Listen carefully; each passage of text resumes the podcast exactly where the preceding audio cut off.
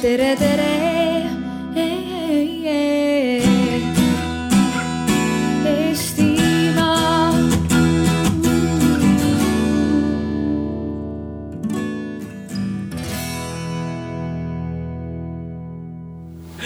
Tere kõigile, rõõm, et, et telk on rahvast täis. mul tundub, et see on üks väheseid kohti, kus praegu on isegi mõnus olla, sest väike tuuleke käib läbi. Ahah, ja minu nimi on Toomas Roolait, ma olen äh, tänase arutelu moderaator ja igaks juhuks hoiatan teid, et meil on siin kohe põhimõtteliselt kaks arutelu järjest tulemas, eks. ehk siis esimesena äh, me, meil on äh, klassikalisem arutelu, kus me oleme e- Eesti kaks tuhat kolmkümmend viis nii-öelda strateegia jaoks kogume sisendi kokku.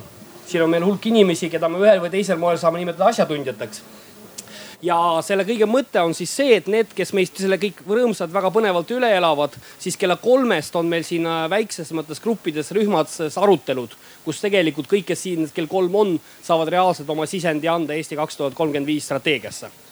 Ehk siis äh, ma, ma siiralt loodan, et, et kui te äh, olete selle diskussiooni ära kuulnud ja teil on kogunenud hulk asju, mis teil tundub, et on rääkimata jäänud siis, siis tulge kella kolmeks, vahepeal käid, saate korra ära käia, tulge kella kolmeks tagasi ja meil on teie jaoks äh, grupitööd valmis pandud.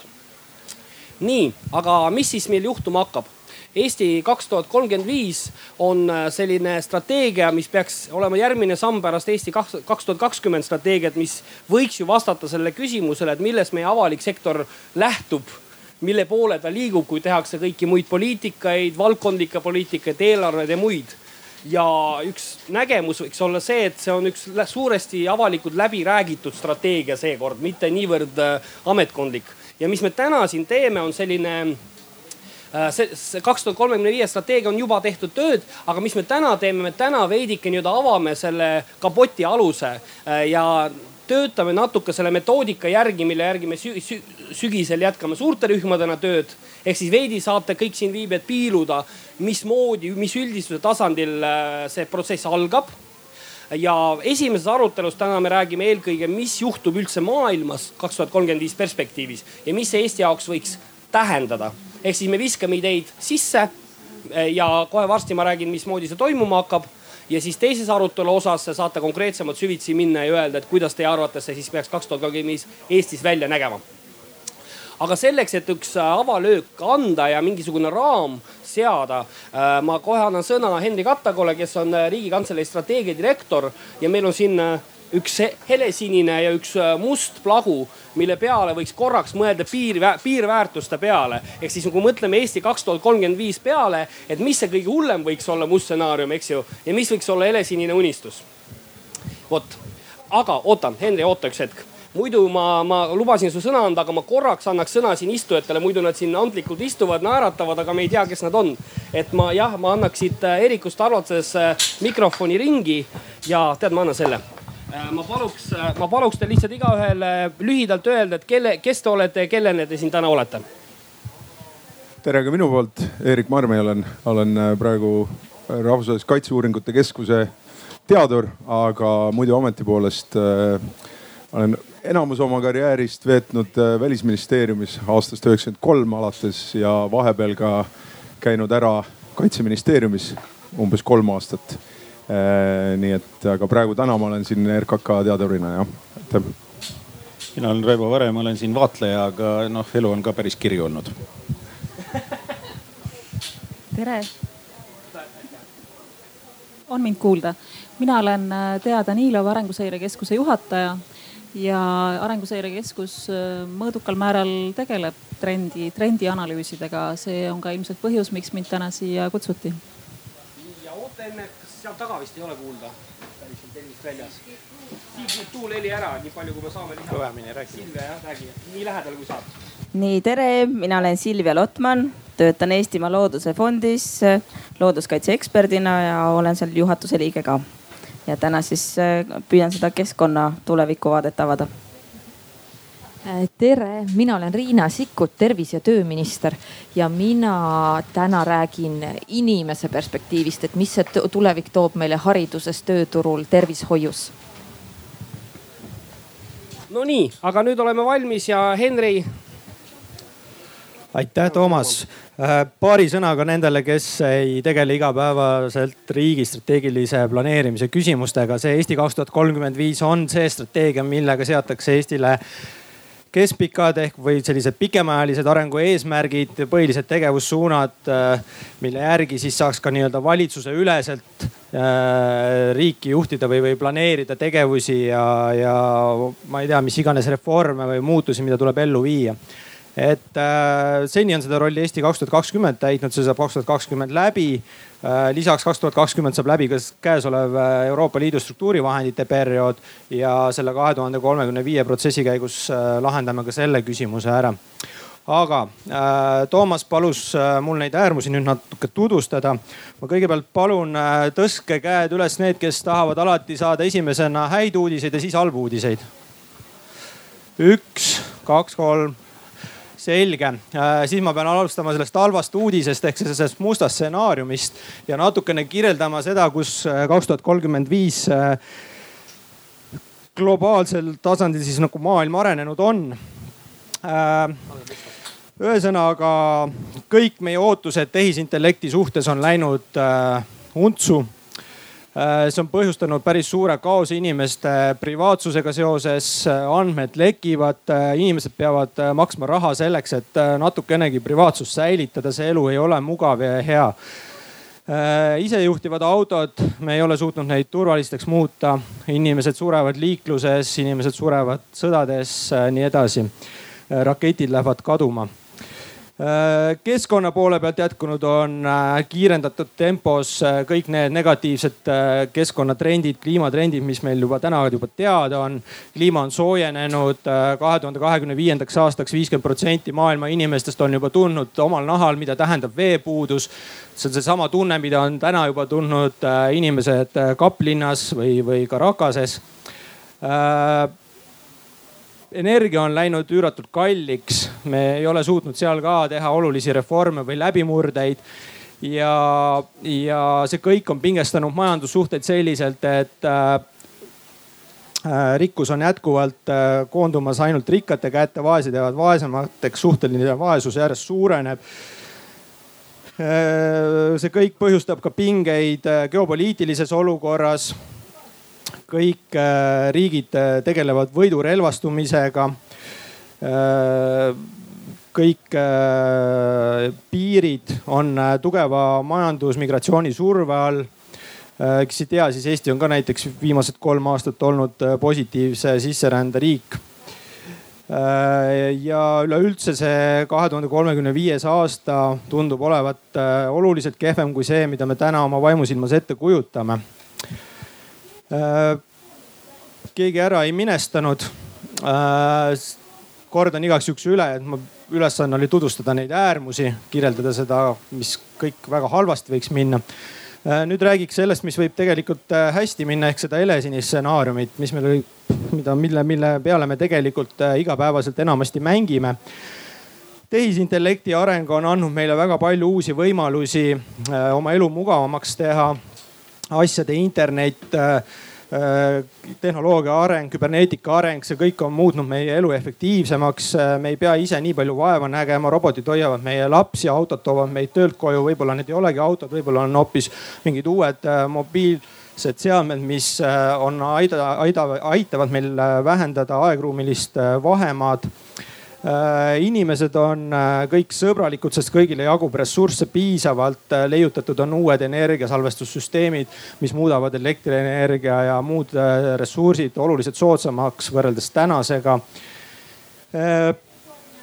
Keskkonna poole pealt meil on õnnestunud pidurdada negatiivseid kliimamuutusi. Ja tegelikult on saavutatud selline mõistlik tasakaal siis majandus- ja keskkonnakaitseliste huvide vahel. Äh, geopoliitilises vaatevinklis on äh, võimud riikides vahetunud, äh, liidriteks on saanud inimesed, kes tugevalt toetavad rahu ja sellist majanduse arengut ja, ja üleüldse on nagu mõnus elada ka Eestis, kuna Euroopa Liit on taas ennast leidnud ja tulnud tagasi oma algsete väärtuste juurde. lühidalt kõik aga nüüd me saame kuulda seda, mida tegelikult panelistid arvavad ja see on see siis nii-öelda see kuldne kesktee, millega me tõenäoliselt äh, tulevikus moel või teisel peame arvestama, kui me oma tegevusi planeerime või, või oma elu planeerime ja, ja Eesti riiki arendada soovime. aitäh. nii, aitäh sulle. nii, saad nüüd korraks istet võtta, ma panen selle siia. nii, mis nüüd edasi saab? Kas teil äh, tekkis tunne, et päris palju infot tuli korraga peale? eks nüüd see läheb edaspidi nüüd veidi hullemaks, aga selleks, et see hullemaks minemine ei segaks teid siiski, äh, siis äh, nagu te näete, et me praegu juba panime need märksõnad, millest Henri rääkis siia tahvlile ja kui pärast kella kolmest alates on siin arutelud, need jäävad kõik siia nähtavale, eks ju. seega selles mõttes, et see info ei lähe kaotsi. me kohe varsti vahetame tahvlid ära, nii et, et järgmiste ekspertide jut, juttudest jäävad siia samasugused põhilised märksõnad kirja pärastiseks aruteluks. aga mis meil siis plaanis on ja vaatame, kas see kõik meil kamba peale siis töötab me oleme jaotanud, nagu te näete, arutelu nelja ossa, inimesed, keskkond, majandus ja geopoliitika, et see kuidagigi hoomatav oleks. ja võtame nad, nad siis nüüd ühekaupa. esmalt võtame siis inimeste teema, siis tuleb keskkonna teema, majanduse, geopoliitika teema.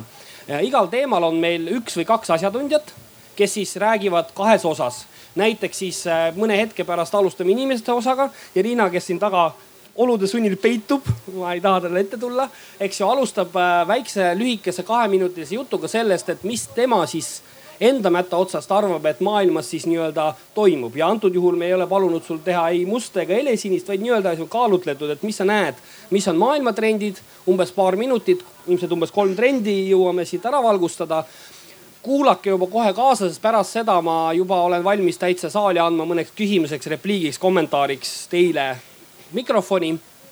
Äh, kui tekib korraks arutelu, laseme selle olla, kui arutelu ei teki või see läbi saab, siis ma annan uuesti Riinale sõna, et öelda, mis see tähendab siis Eesti jaoks. ja me oleme nii-öelda rääkinud sellise mõiste nagu kuldne kesktee Eesti jaoks kaks tuhat kolmkümmend viis, et, et mis selle võiks olla see, noh, mis ei ole liiga unistus, aga samas millega võiks arvestada, eks ole pärast seda tulebki arutelu osa, küsin teie arvamust, küsin ülejäänud eksatundjate arvamust ja meil on umbes kümmekond minutit diskussiooniks. ja kui see diskussioon on oma käigu ära käinud, tõmbame joone alla ja liigume keskkonnateema juurde, eks. ja niimoodi siis korda neli. seega arutada saab kaasa, pikalt filosofeerida ei jõua, aga repliigi korras äh, on igaühe arvamus oodatud ja ütlen ka, et, et äh, pikalt oleme arutanud, et kuidas siis nii, et ainult kaks minutit tänapäeval on kõigile isegi selge, et ühe, ühe tweet'iga saab maailma poliitikat muuta. seega kahe minutiga peaks saama öelda, mis, millega peaks arvestama. ja õigupoolest üldiselt inimese psüühika töötab nii, et üle kolme asja niikuinii ei haara, et, et seega ma loodan, et äh, meie eksperdid ei pahanda, et me oleme nii kitsastesse raamidesse nad surunud. aga enne kui pihta hakkame, kas kellelgi on küsimusi? kas kellelgi on juba mure või rõõm? veel ei ole, okei okay., nii Riina ma annaks sulle siis hea meelega sõna, et rääkida inimeste aspektist maailmast kaks tuhat kolmkümmend viis. mis on need suured trendid, millega me peaksime arvestama realistlikult? kui me räägime inimesest, et siis me mõtleme kõike seda, mis puudutab meie hoiakuid ja väärtusi, meie peresid, haridust, tööd, tervist. aga need trendid, mis maailmas on, noh, need, mis mina olen välja toonud need tegelikult noh, on sageli valdkondade ülesed ja, ja noh, võtaks fookusesse ikkagi nagu paljuski ka töö, see, mida me väärtustame, kas see on sissetulek, kas see on vaba aeg, kas see on eneseareng, mis tüüpi tööd me teeme see, see noh, paneb ka piiri sellele, et, et, et mis on need nõuded haridusele, et mis, mis on see tervisemõju. et selline natuke tööfookusega aga ma arvan, et need trendid, mis ma välja toon, need on mõnes mõttes ka valdkondade ülesed, et need hakkavad teemades korduma. et äh, kui rääkida äh, sellest esimesest suurest asjast, ükskõik noh, mobiilsus maailma mõttes, ükskõik, kas see on keskkonna mõttes, kas see on reostus, mis meil on mobiilne, kas see on andmed, mis on mobiilsed, kas need on inimesed, on need pered, on need töötajad, on terviseandmed, mis liiguvad üle piiride. et noh, see on midagi, eh, mis juba toimub, mis ilmselt võimendub, on see tehnoloogia areng, mis seda toetab või meie eelistused. Eh, ja noh, et meie jaoks on küsimus, et kuidas Eesti seda ära kasutada saab või mis see meie jaoks tähendab. nii et aga maailmatrendina mobiilsus, teiseks see töö muutumine see, et äh, jah, praegu me ka, me eesmärgistame hõivet, me eesmärgistame töö, eh, väikest töötust, aga noh et mis on töö, kas, kas, kas see peab olema palga eest, kas see peab olema ühes kohas? Või on see vabatahtlik, kas see on midagi sellist, mida keegi teine teeb kellegi teise heaks. et töö muutub, noh ja see, need laiad mõjud meie maksukeskkonnale, sotsiaalsetele garantiidele, sellele samale mobiilsusele, eluviisidele, et noh, see on see, mis ma arvan, et meie tulevikku kõige rohkem ümber kujundab. aga selle muutusega seoses no mina ise näiteks olen ka muutuste hulgas suhteliselt tõrges või selline paberi ja pliiatsi inimene senini. aga muutuse puhul polariseerumine, need, kes lähevad kaasa, need, kes lähevad kiiresti kaasa Te, mõned ei suuda kaasa minna, mõned ei soovi. Noh, on, kas, kas on eelistused teistsugused, et noh, kuidas siis me selle polariseerumise riskiga maja ma,, maailmas toimetame?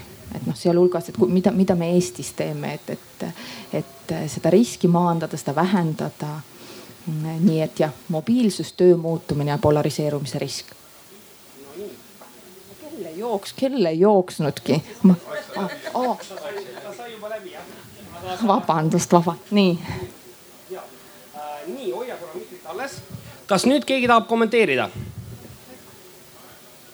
minu küsimus teile, et, et äh, andke korraks kiirelt siis käega märku kolm trendi. mobiilsus, eks ju, hästi laias mõttes. see, et muutub töö, töö olemus, mis me seal mõistame ja see, et, et need muutused tekitavad polariseerumise, kuidas me sellega toime tuleme äh, pakuks esialgu teile kaasamõtlemist kolm varianti väga kiirelt. et kas te arvate, kas te olete nõus sellise, et need on kolm olulisemat trendi, eks, kas te olete pigem nõus? siis korra küsin, kes, kes on pigem nõus, võib-olla keegi arvab, et, et kui mina valiks kolm trendi, ma valiks hoopis muud, eks ju. ja siis äh, pärast veel küsin, kes on niimoodi kahe vahel, et nii ja naa. eks, kes on siis, kes on keda need kolm trendi kõnetavad, kelle arvates nad üsna hästi tabavad maailma? nii me täpseid hääli, okei okay,, no julgelt pooled tõstsid. kelle arvates te oleksite hoopis teistmoodi äh, trende oodanud? nii, väga hea, vähemalt üks julge inimene on. saad kohe öelda, ma tulengi su juurde kohe, et kas keegi veel? okei okay., seal on veel üks selline käsi, vaatame nii-öelda ühe märksõna saab juurde öelda ja siis, kes on kahe vahel hetkel veel? okei okay,, selge, väga suur-suur tänu, ma tulen nüüd su juurde sinna. ja kiiret ei ole nii, ärge pange pahaks, et ma üle teie astun. mis trendi sa juurde pakuksid? tervisest tahaks midagi teada, kas inimene elab igavesti, kas temal on äh, omad äh, nii-öelda kehaliikmed või, või kasvatatud kehaliikmed? Ja et, et äh, meditsiin, tervis nagu see on ka ju inimese jaoks väga oluline. võiks eeldada, et kaks tuhat kolmkümmend viis on midagi muutunud. Kuule, aga kui sa juba rääkisid, paku sina korraks välja, ma annan kohe Riinale sõna ka, aga mis sina pakuksid, kaks tuhat kolmkümmend viis võiks olla usutav no ausalt öeldes, äh, mõeldes selle peale, et tehnoloogias siiski nagu mingeid läbimurdeid kuidagi pole to toimunud, siis ma arvan, et pigem võib-olla ei ole midagi nagu midagi müstilist toimunud. et need on nagu siuksed äh, noh, aeglane liikumine, aga sellegipoolest, et mingisugused äh, just puuetega inimeste mingid sihukeste riskigruppide jaoks tõenäoliselt muutub elu lihtsamaks ja seal tekib nagu sellised riskigruppidele tekib mingisuguseid muudatusi, aga võib-olla laiemalt nagu nüüd midagi nagu müstilist mitte väga-väga mõnus. Riina, mis sa arvad? see, see ei olnud meil kokku lepitud.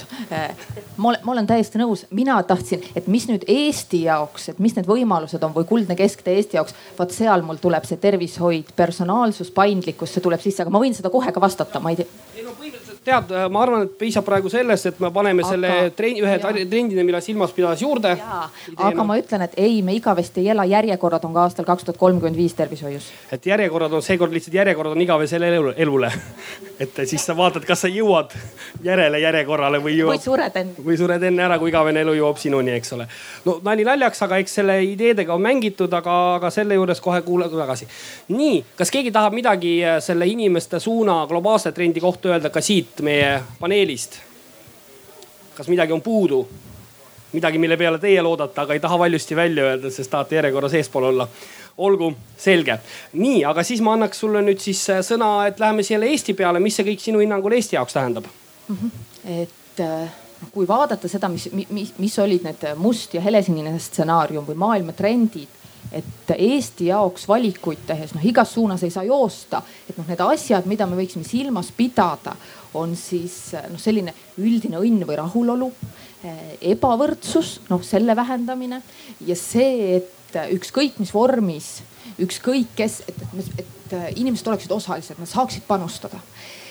ja mis on siis need Eesti võimalused, mis on see, need kolm ma ei tea, tegevustrendi kesktee. midagi, mida võiksime oodata, et toimuma hakkab ja tahta otsapidi. Eh, nii tööd kui teisi asju, noh, me peame tegema targemalt mm. -hmm. et eh, kui, kui me räägime, kui välja toodi veepuudus ja asi, et noh, ressursinappus on see mujal maailmas, meid võib-olla esimese hooga ei pigista vesi, aga ressursinappus on need loodusressursid või inimesed, see on meil juba kohal. et eh, me peame tegema targemat tööd, targemaid asju teiseks äh, personaalsem, et äh, see, mida me nii, meid on vähe ja me oleme erinevad. et noh, täpselt sama küsimus tervishoiu kohta või puuetega inimeste kohta. Äh, tehnoloogia areng võimaldab seda, et me ei pea tegelema keskmise inimesega, me ei pea tegema standardse tüübiga. Me saame võtta arvesse seda, et eelistused on erinevad, elukohad on erinevad, eluviisid on erinevad ja noh, nii avaliku sektorina see on midagi, mida me peaksime kõikide valdkondade puhul ikkagi läbivalt silmas pidama, et noh, see on see meie võimalus, see on see, miks inimesed tahavad siin olla. ja viimaseks, et noh, kuidas me seda teeme, noh, see on, see on poliitikute, poliitika kujundamise küsimus. Äh, paindlik poliitika kujundamine, et noh, see on see noh, rahvusvaheline no, adaptive policy making või et noh, me ei pane raami paika tänase seisu pealt ja ei hoia sellest kinni. et noh, ükskõik kas tervishoius kolmteist protsenti sotsiaalmaksust tervishoiukulude katteks, et noh töölepingu seadus ütleb meile, et töökeskkonna ja ohutuse eest vastutab tööandja. et noh, see, et me oleme ükskord selles kokku leppinud, et noh me, me peaksime hästi paindlikud selles, et mis on see raam, milles me tegutseme, et kui olud muutuvad, me saame targemaks. teadusest tuleb uusi tulemusi, avastame uue asja, et noh, kohandume, muutume ja noh, see ka, ka õigusruumi tasemel, avalike teenuste tasemel, et noh, see on kolmas asi. okei okay., nii väga hea, mis nüüd juhtub tõesti alustades siit on võimalik Riina käest täpsustusi küsida on võimalik siia pakkuda midagi juurde ja selles mõttes ma alguses esimese tiiru vaataks siiapoole, siis, siis ma vaatan nii-öelda istujate poole, et teil on nüüd ka kohe varsti oodatud sõnumi juurdepanemine või diskuteerimine siin viibijatega. nii, ole hea. aitäh, minu nimi on Sven Sakov ja mul on küsimus on tulevikust, tehismõistusest, tehisintellektist ja sellest, kas meil on üldse tööd. ehk et kui inimesed on arutanud, targad inimesed, et äh, pooled töökohad nii-öelda arenenud läänes suure L-tähega eh, võivad ära kaduda meie noh, nii-öelda generatsiooni jooksul. ja kui see nõnda on, siis mida need pooled inimesed teevad ja kuidas eh, siis tagada, et eh, ebavõrdsus väheneks sellises situatsioonis? no praeguse vist see levinum nägemus või, või teooria on see, et jah, kaovad ära töökohad, mis on rutiinsed, nõuavad jõudu, nõuavad käsitööd. et noh, sellised nagu keskmise taseme töökohad ja võib-olla see ongi midagi sellist, mida masin teeb paremini, teeb kiiremini ja teeb väiksema tervisekaoga. aga noh, nüüd oleneb, kui palju me tahame masinatele delegeerida. mina ikkagi tahaksin elada maailmas, mida juhib inimene tehisintellekt äh, on, on ilmselt targem kui, kui mina või sina lõppkokkuvõttes, aga, aga mis on see roll, mida me tema jaoks anname? et noh, keegi peab neid tarku süsteeme disainima, keegi peab mõtlema välja, et mis on ühe või teise masina ülesanne. keegi peab programmeerima, keegi peab mingisugused arhitektuurid ja loogikad paika panema. et noh, see võiks, keegi peab oma soovid avaldama ja inimesed võiks olla need, kes oma soovid tehisintellektile edastavad jah, aga see, kes, see inimene, kes on selle poole seas, kelle töö võib ära kaduda, nemad ei hakka seda disainima. Neil ei tule mõistus kuidagi juurde. seda absoluutselt ja tegelikult ma arvan, et väga suur osa töökohti ei ole need, mis päris ära kaovad, see töö muutub, inimesel on vaja, ta, ta töötab, ta teeb sama asja aga nüüd tema ütleb masinale, kuidas seda teha, tema ei pea ise seda tõstmist tegema või midagi, et noh, ma arvan, et seda osa on ka ja siis on tõesti, on, on ilmselt töid, mille digitaliseerimine või automatiseerimine ei ole mõistlik, sest tehniline lahendus on kallis, aga inimene võib selle teha odav. et noh, on, ma ei tea, need, ma ei tea, kojamehed, noh midagi sellist ja siis on tööd, kus see personaalsus, see, et inimene sinuga tegeleb, on oluline. võib-olla need muutuvad luksusteenuseks, ma ei oska öelda.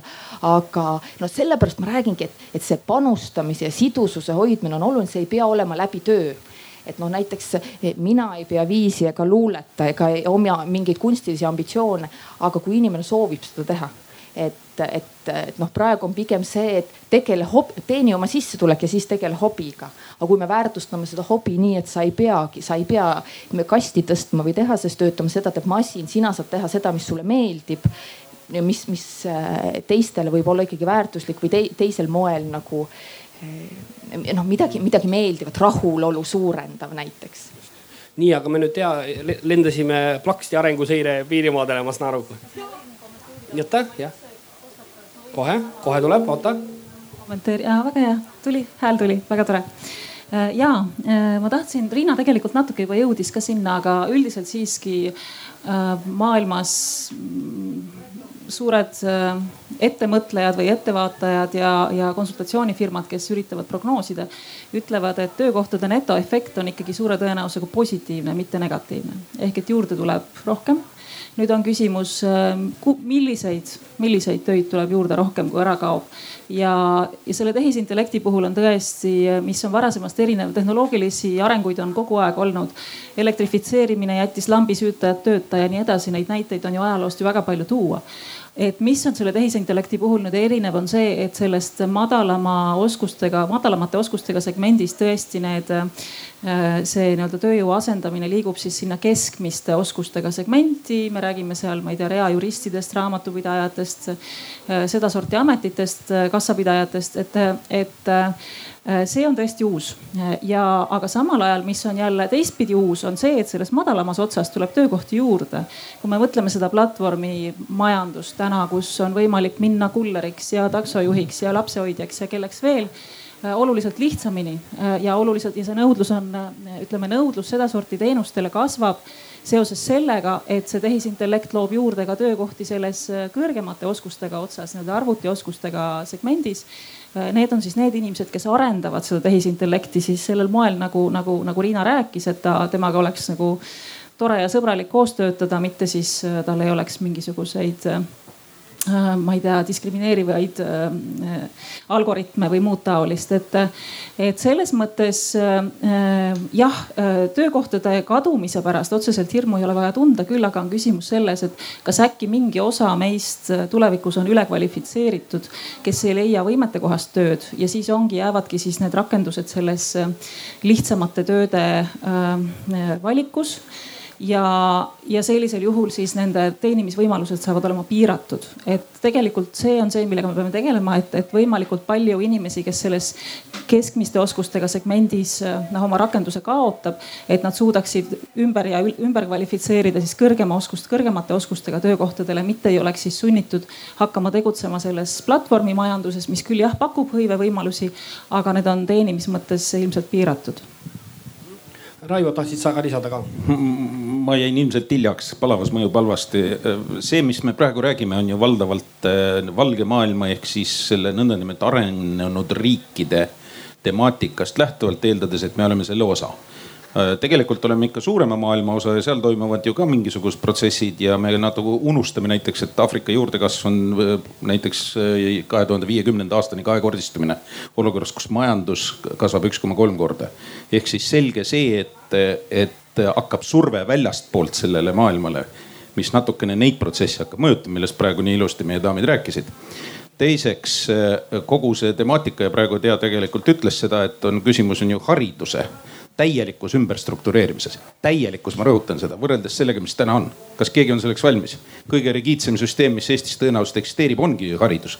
ja nüüd minna selle kallale nii-öelda teadmata, kuhu see asi välja viib, on ikka suhteliselt keeruline. meie täna ei ole ka siin väga palju sellest võimelised rääkima, keegi ei tea aga hariduse nii-öelda see, see nii-öelda loometsükkel on viisteist aastat mis tähendab seda, et kui me räägime aasta kaks tuhat kolmkümmend viis, siis me peaksime täna rääkima juba ka hariduse kontekstis, muidu me jääme hiljaks ma, ma siia täiendan, et tegelikult noh, ongi hariduse puhul noh, nii kui töö puhul räägitakse, et töö kaob, on küsimus selles, et kui suur roll jääb akadeemilisele haridusele. kui tehnoloogia muutub, on oskusi vaja elu jooksul täiendada. see, et seda teevad akadeemilised haridusinstitutsioonid, no see on küsitav praegu ja noh, veel suurema küsimärgi all on see tulevikus. et mis on need õppimisvõimalused, mis on see täiend ja ümberõpe, kes seda pakub?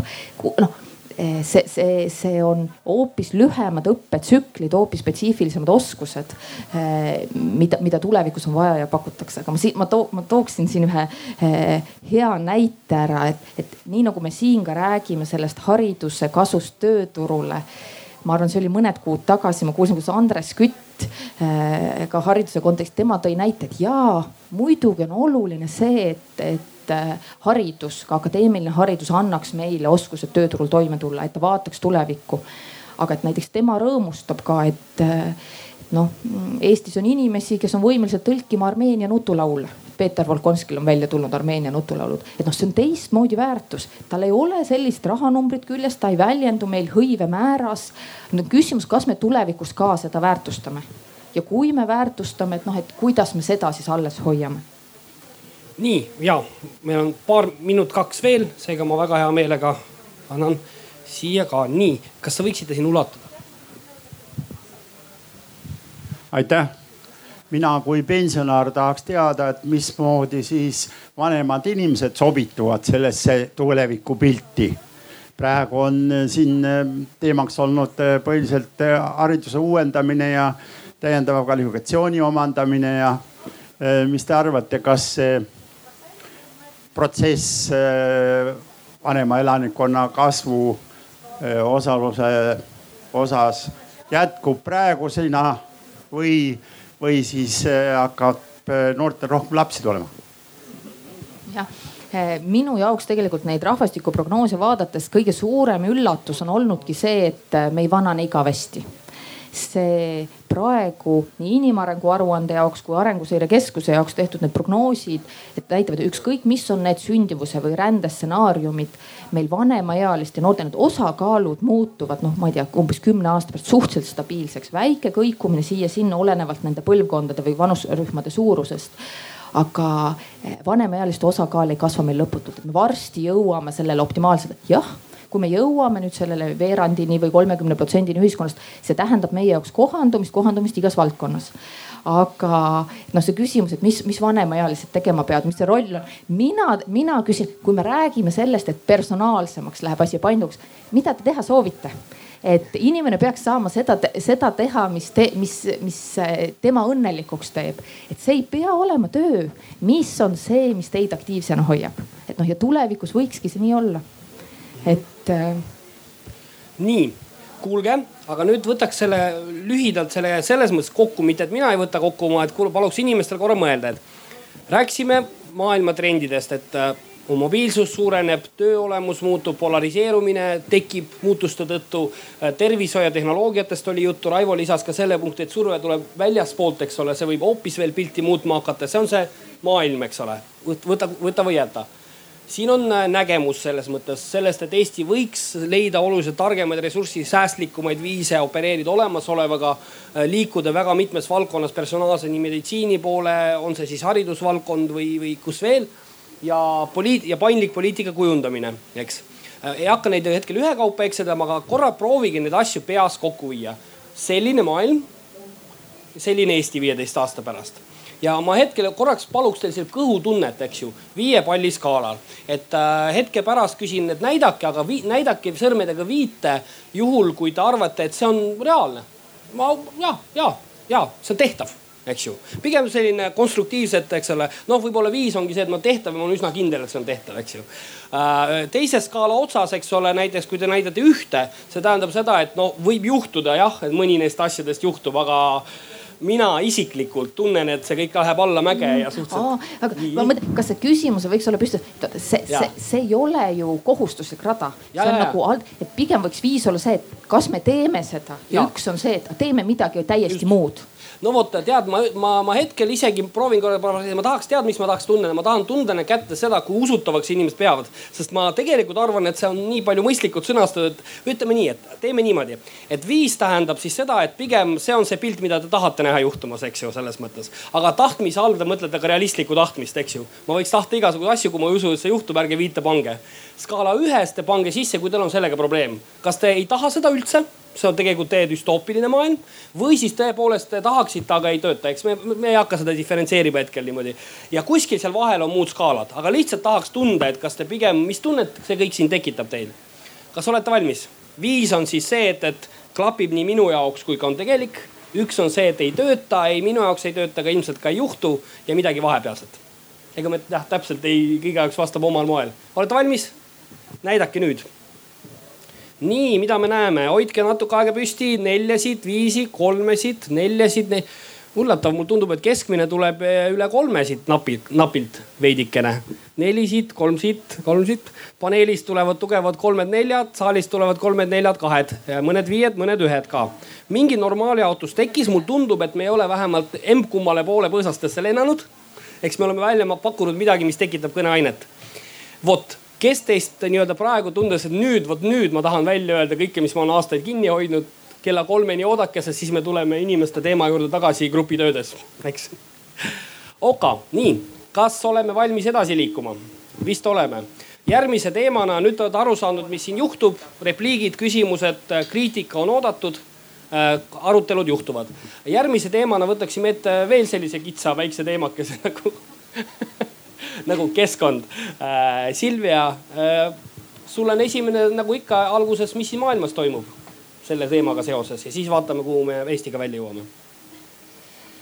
nii, kui me maailma keskkonnatrende vaatame, siis, äh, siis paistab nii, nagu me siin kasvuhoones oleme, et, et kogu maailmas kuumeneb et kliima muutub ja me kütame, oleme seda juba tükk aega kütnud ja, ja kütame seda veel, veel päris hooga edasi mis ei tähenda ainult seda, et, et ilm läheb suvel soojemaks, vaid ka sügisel porisemaks, talvel teinekord hoopis külmemaks, tulevad tugevad tormid, väga palju etteennustamatust ootab meid, meid kliima suhtes kogu maailmas.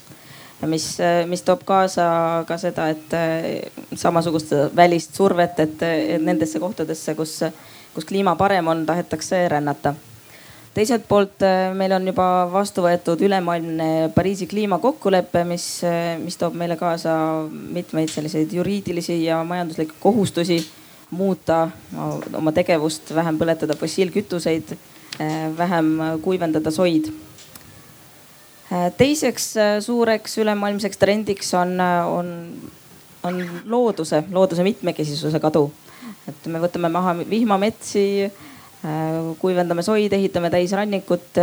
et kõik see on, on sinna viinud, et, et teadlased ennustavad, et, et loodusliku mitmekesisuse kadu hakkab jõudma sellise kriitilise piirini, et, et inimkonna jaoks vajalikud teenused, inimkonna jaoks vajalik loodus, et, et, et seda, seda varsti ei ole meil enam piisavalt ja, ja kolmas suur ülemaailmne väga negatiivne trend kahjuks ka on see, et, et ained saavad otsa, toorained, mida me kasutame loodusest. et see, see toob kaasa seda, et me ei saa neid asju kasutada, aga ka tohutud suured mõjud nendes kohtades, kus, kus kaevandatakse, olgu see siis nafta või, või tulevikus äh, liitium, liitiumi rikaste riikide probleemid, et, et, et need on sellised kolm suurt keskkonnatrendi, kahjuks kõik miinusmärgiga ma nägin, kuidas siis, kui sa hakkasid toorainest otsasaamisest rääkima, siis geojulgeoleku poliitiline nurk meie paneelist nii-öelda hakkas paljutähenduslikult noogutama. et sinna me ka varsti jõuame. nii, nüüd siis kolm trendi. on nad siis noh positiivsed, pigem negatiivsed, vähemalt reaalsed, nüüd juba tundub olevat kliima soojenemine seotud rännesurve, loodusliku mitmekesisuse kadu ja tooraine saab otsa. tead, ma küsin, ma, ma, sa, sa lööd mu maha nii primitiivse küsimuse, aga ma küsin ära. no see looduse mitmekesisuse kadu, no toorainest ma veel saan aru, eks ole, aga no mis siis? kuidas see nüüd siis nii-öelda nii suur, no ma saan aru, et see juhtub, aga miks see üldse nii-öelda globaalse trendina on oluline märgata?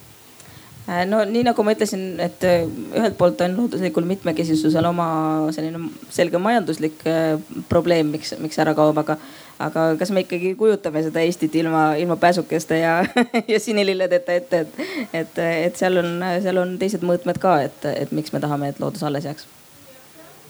nii, kas keegi tahab nüüd globaalsete trendide koha pealt kommenteerida? oota, oota, ütle ja võib-olla lisada kemiseerimine ja jäätmed ja võib-olla lämmastiku ja fosforiringe häired, kui seoses lämmastiku ja fosforiring, fosfori liigse, liigse suurema, suurema jõudmisega keskkonda kui varem.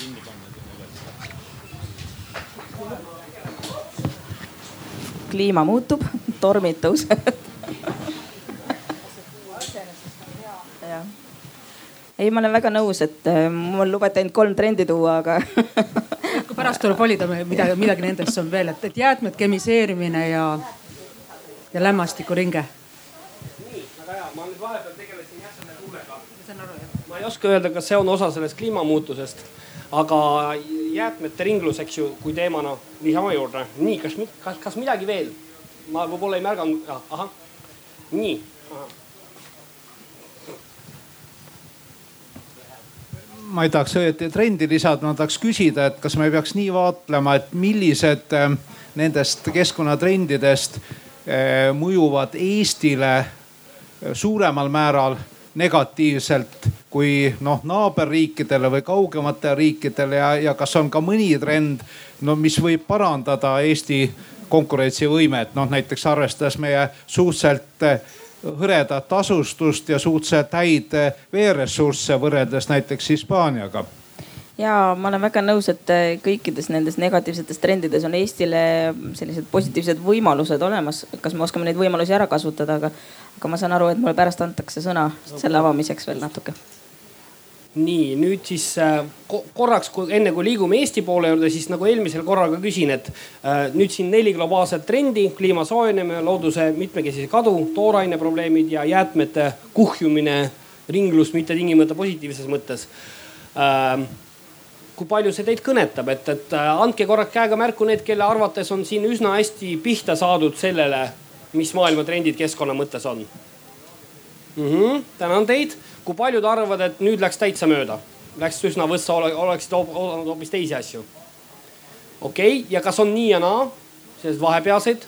okei okay,, kolm-neli kätt on tõusnud, seekord tundub olevat, kusjuures ma pean tunnistama, ei tea, kas rõõmustada või kurvastada, et kas need trendid on juba nii nähtavad ja tuntavad, et kõik juba tunnevad seda noh oma naha peal või, või, või, või just rõõmustada, et see on lõpuks kohale jõudnud aga seda sa ütled loodetavasti meile kohe, ma annan sulle uuesti nüüd sõna, et mis see Eesti jaoks tähendab, mis siit annab välja võtta ja mille eest annab ennast hoida? ja Eesti jaoks on palju keerulisem öelda seda ülemaailmsed trendid on tõesti palju-palju selgemalt näha. aga Eesti jaoks kindlasti see, et mis juba välja toodi, et meil on palju maad, mis ei ole veel täis ehitatud, väl-, üles kaevandatud ja kus veel keegi parajasti ei ela seda maad äh, asustavad äh, paljud loomad, linnud, äh, taimed. ja see maa pakub meile ka palju selliseid nagu tänapäeval moodne öelda ökoloogilisi teenuseid, ökosüsteemi teenuseid. et ähm, kui me seda targalt planeerime, et, et kuidas, mida me oma metsade ja oma rabadega teeme ja neid hästi hoiame, nii et nad meie, meie jaoks seda, seda seda head keskkonda siin edasi toodavad, siis see, see on kindlasti Eesti jaoks äh, suur võimalus. Äh, siis äh, kliimamuutustega seoses loomulikult on meil suur-suur energiapööre kogu maailmas ja, ja kindlasti Eestis paratamatu, et, et see, kuidas me oma energiasüsteemid ümber suudame planeerida, ehitada, ähm, milliseid kuidas me suudame päikesest äh, võimalikult palju energiat kätte saada ja võimalikult vähe oma metsa ahju ajada. Äh, see on, ähm, see on kindlasti üks, üks selline võtmeküsimus, et kas kolmekümne viiendal aastal me elame õnnelikult või mitte. ja, ja ma arvan, et see, see toorainete nappuse teemal ka see, et kas me suudame ringmajandust kas me suudame kasutada uuesti neid asju, mida me juba oleme kasutusse võtnud ja kas me suudame vältida seda, et me oma maa üles kaevame fosforiidi või, või mingi muu tooraine jaoks, mis ei ole täna võib-olla väärtuslik, aga tulevikus suure nappuse puhul on. et ähm, äh, see kindlasti määrab ka selle meie tuleviku õnnemäära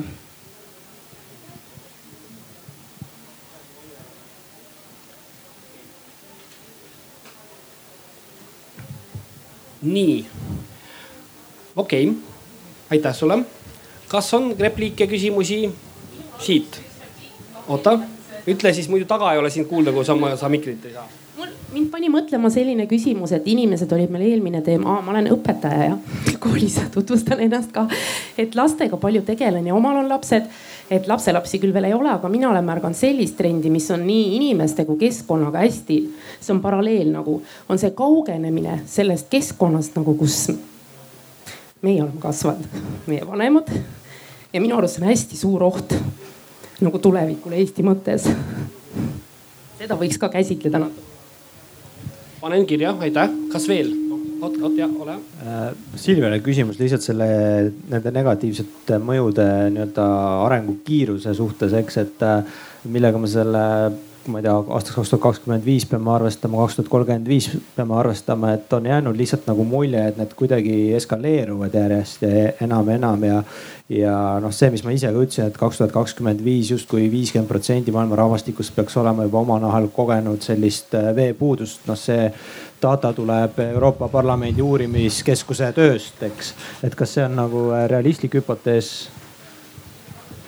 ja selles mõttes küll, et need, need kõik trendid äh, mõnes mõttes ähm, äh, jah mõjutavad üksteist, eskaleerivad üksteist ja, ja, ja, ja, ja inimtegevus äh, võib seda väga kergesti veel ise edasi eskaleerida, eks ju, et kui me ütleme, et me põlevkivi praegu ei põleta, aga ajame kõik metsad ahju selle asemel ja ütleme, et see on biomajandus, siis sellega me tegelikult äh, võtame ära selle võime, et, et metsad ei, ei seo süsinikku ja, ja me tegelikult teeme seda olukorda hullemaks, aga äh, ja seda on väga raske ennustada, et kui kiiresti mingi asi läheb hullemaks.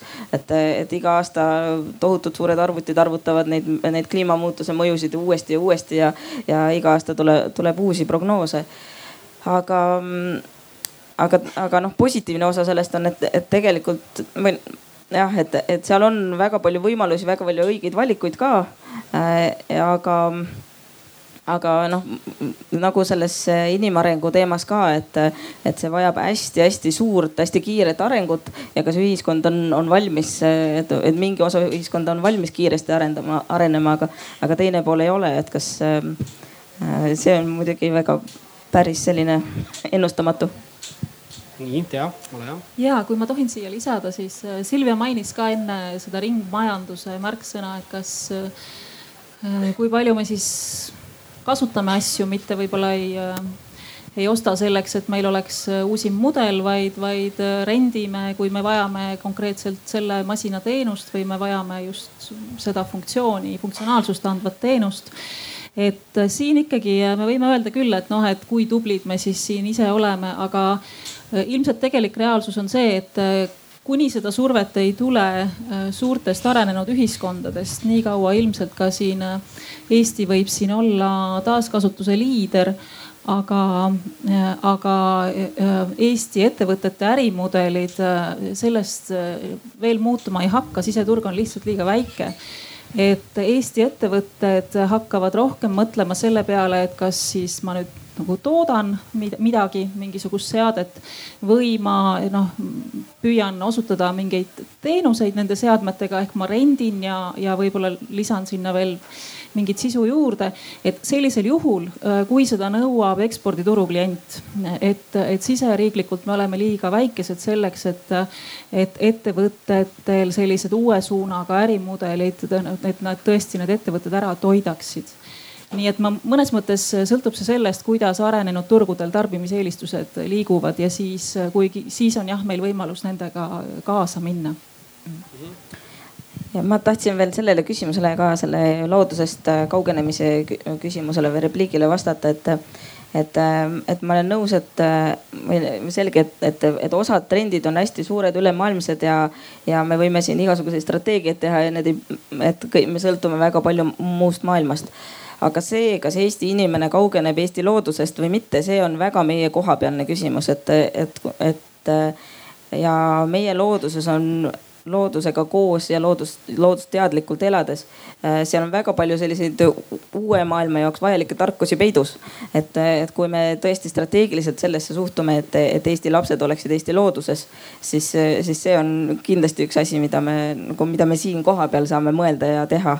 et mis ei sõltu ülemaailmsetest tuultest nii palju aga ma taht, tahtsin korra võib-olla hoopis teises suunas sama küsida, mida Tea teisiti ütles, eks ju, et ühtepidi, kas Eesti ettevõtted siis muutuvad enne, kui väljast tuleb surve.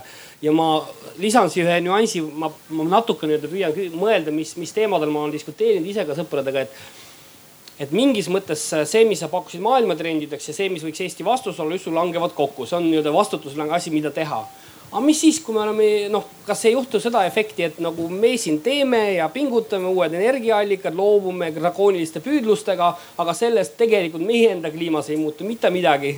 meie enda majanduses ei muutu kuigi palju peale kulu, et kas, kas, mis, mis loogikat sealt võiks rakendada, kas see loogika töötab, et aga me oleme, me oleme liiga väiksed, et mõjutada isegi ennast kõige selle valguses ma, ma vabandan, ma, ma ei tahtnud Tea küsimust moonutada, lihtsalt öelda, et fundamentaalselt, kuidas see seos nii väikse riigi puhul nagu Eesti toimib globaalse kliima ja muuga?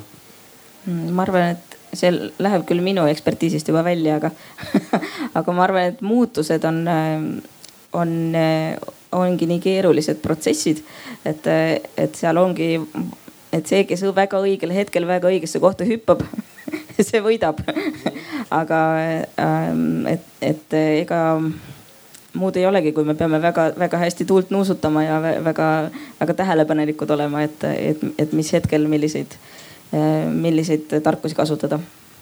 Mhm, okei. Kas keegi tahab midagi lisada veel, meil on üks-kaks minutit, nii kaks repliiki siit, kolm suisa, aga siis ma, ma, ma jõuame need kõik kolm võtta, kui te kõik hästi lühidalt ütlete, sobib? sobib, siis ma tulen siitpoolt ma tahaks lihtsalt kommenteerida, et minu arust eestlasel on küll võimalik äh, muuta maailma.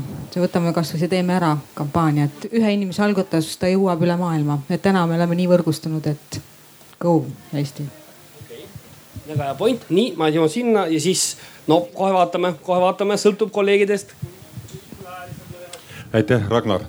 Ma tegelen hoonete energiasäästuga ja minu meelest on see uued energiaallikad väga üldsõnaline tähendab, see on niisugune üldine filosoofia, seda võib rääkida ja jäädagi rääkima ka tuhat aastat. aga tähendab, küsimus on selles, et näete, sama suvi, mis on olnud ja seesama päike, mis täna on. ma ei pea seda silmas, ma pean silmas päikeseenergiat. see on nii hoomamatu energiaallikas, mida te ei oska arvata ka. on selline näide olemas, et erinevate allikate suhtes on päikeseenergia maht nii suur et ta on kolm tuhat kuni viis tuhat korda suurem, kui meie maailm vajaks. just Riina, just nimelt kulmud läksid kortsu. vot selline allika hulk on päikeseenergia, milleks me peaksime tohutult investeerima ja mitte kartma ja olema võib-olla oma Nokiad Eestis, et haarata päikeseenergiast kinni. vaatamata sellele, et isegi asjatundjad ütlevad, et jaanuarikuus meil päikest nagu ei ole, on null. no see on, eks me teame, mis asi see on täpselt ja veel keegi tegelikult ei oska, vabandust, ei oska hetkel öelda, mis siis päikseenergiast kaks tuhat kolmkümmend viis saab. aga ma tänan repliigi eest minu kommentaar läheb samasse valdkonda, et aga, aga ka vastuseks, et kuhu siis Eesti oma selle majandusega võiks minna, et kui väliskeskkond käitub teistmoodi. et, et üks viis on tõesti see, et hakkame tootma kõrgema lisandväärtusega tooteid, millel on väiksem keskkonnamõju, vähem kulutavad energiat ja ressursisisend on väiksem. teine on see, et hakkamegi tootma üleilmsele keskkonnaturu, keskkonnatehnoloogiate turule, kasvõi sellesama päikeseenergia osas. et tegelikult ju kõik energia, mis me kasutame, tegelikult on tulnud ju päikeselt, ka see, mis on meil fossiilne fossiilsed, eks, aga, aga et ta tuleks otse päikselt, et seda vahepealset koormust ei tuleks kaasa. nii et toota rahvus, äh, rahvusvahelise keskkonnatehnoloogiate turu, turule ja ekspordiks, et see oleks nagu üks mõte, milles nagu liikuda, jah. lood-. tänan konkreetse eest ja nüüd jõuame, Aimar. Aimar Altosaar mul on tunne, et üks sedel on valesse kohta sattunud, et maailm kaks tuhat kolmkümmend viis pluss stsenaariumi all on millegipärast vananev rahvastik, see peaks panema helesinise unistuse alla. vananev rahvastik, see näitab, et elukvaliteet on kõrge, meil on rahu maailmas, asjad lähevad, tegelikult see on meie potentsiaal aga ma ei tea, kuidas see sinna sattunud, et parandage palun viga.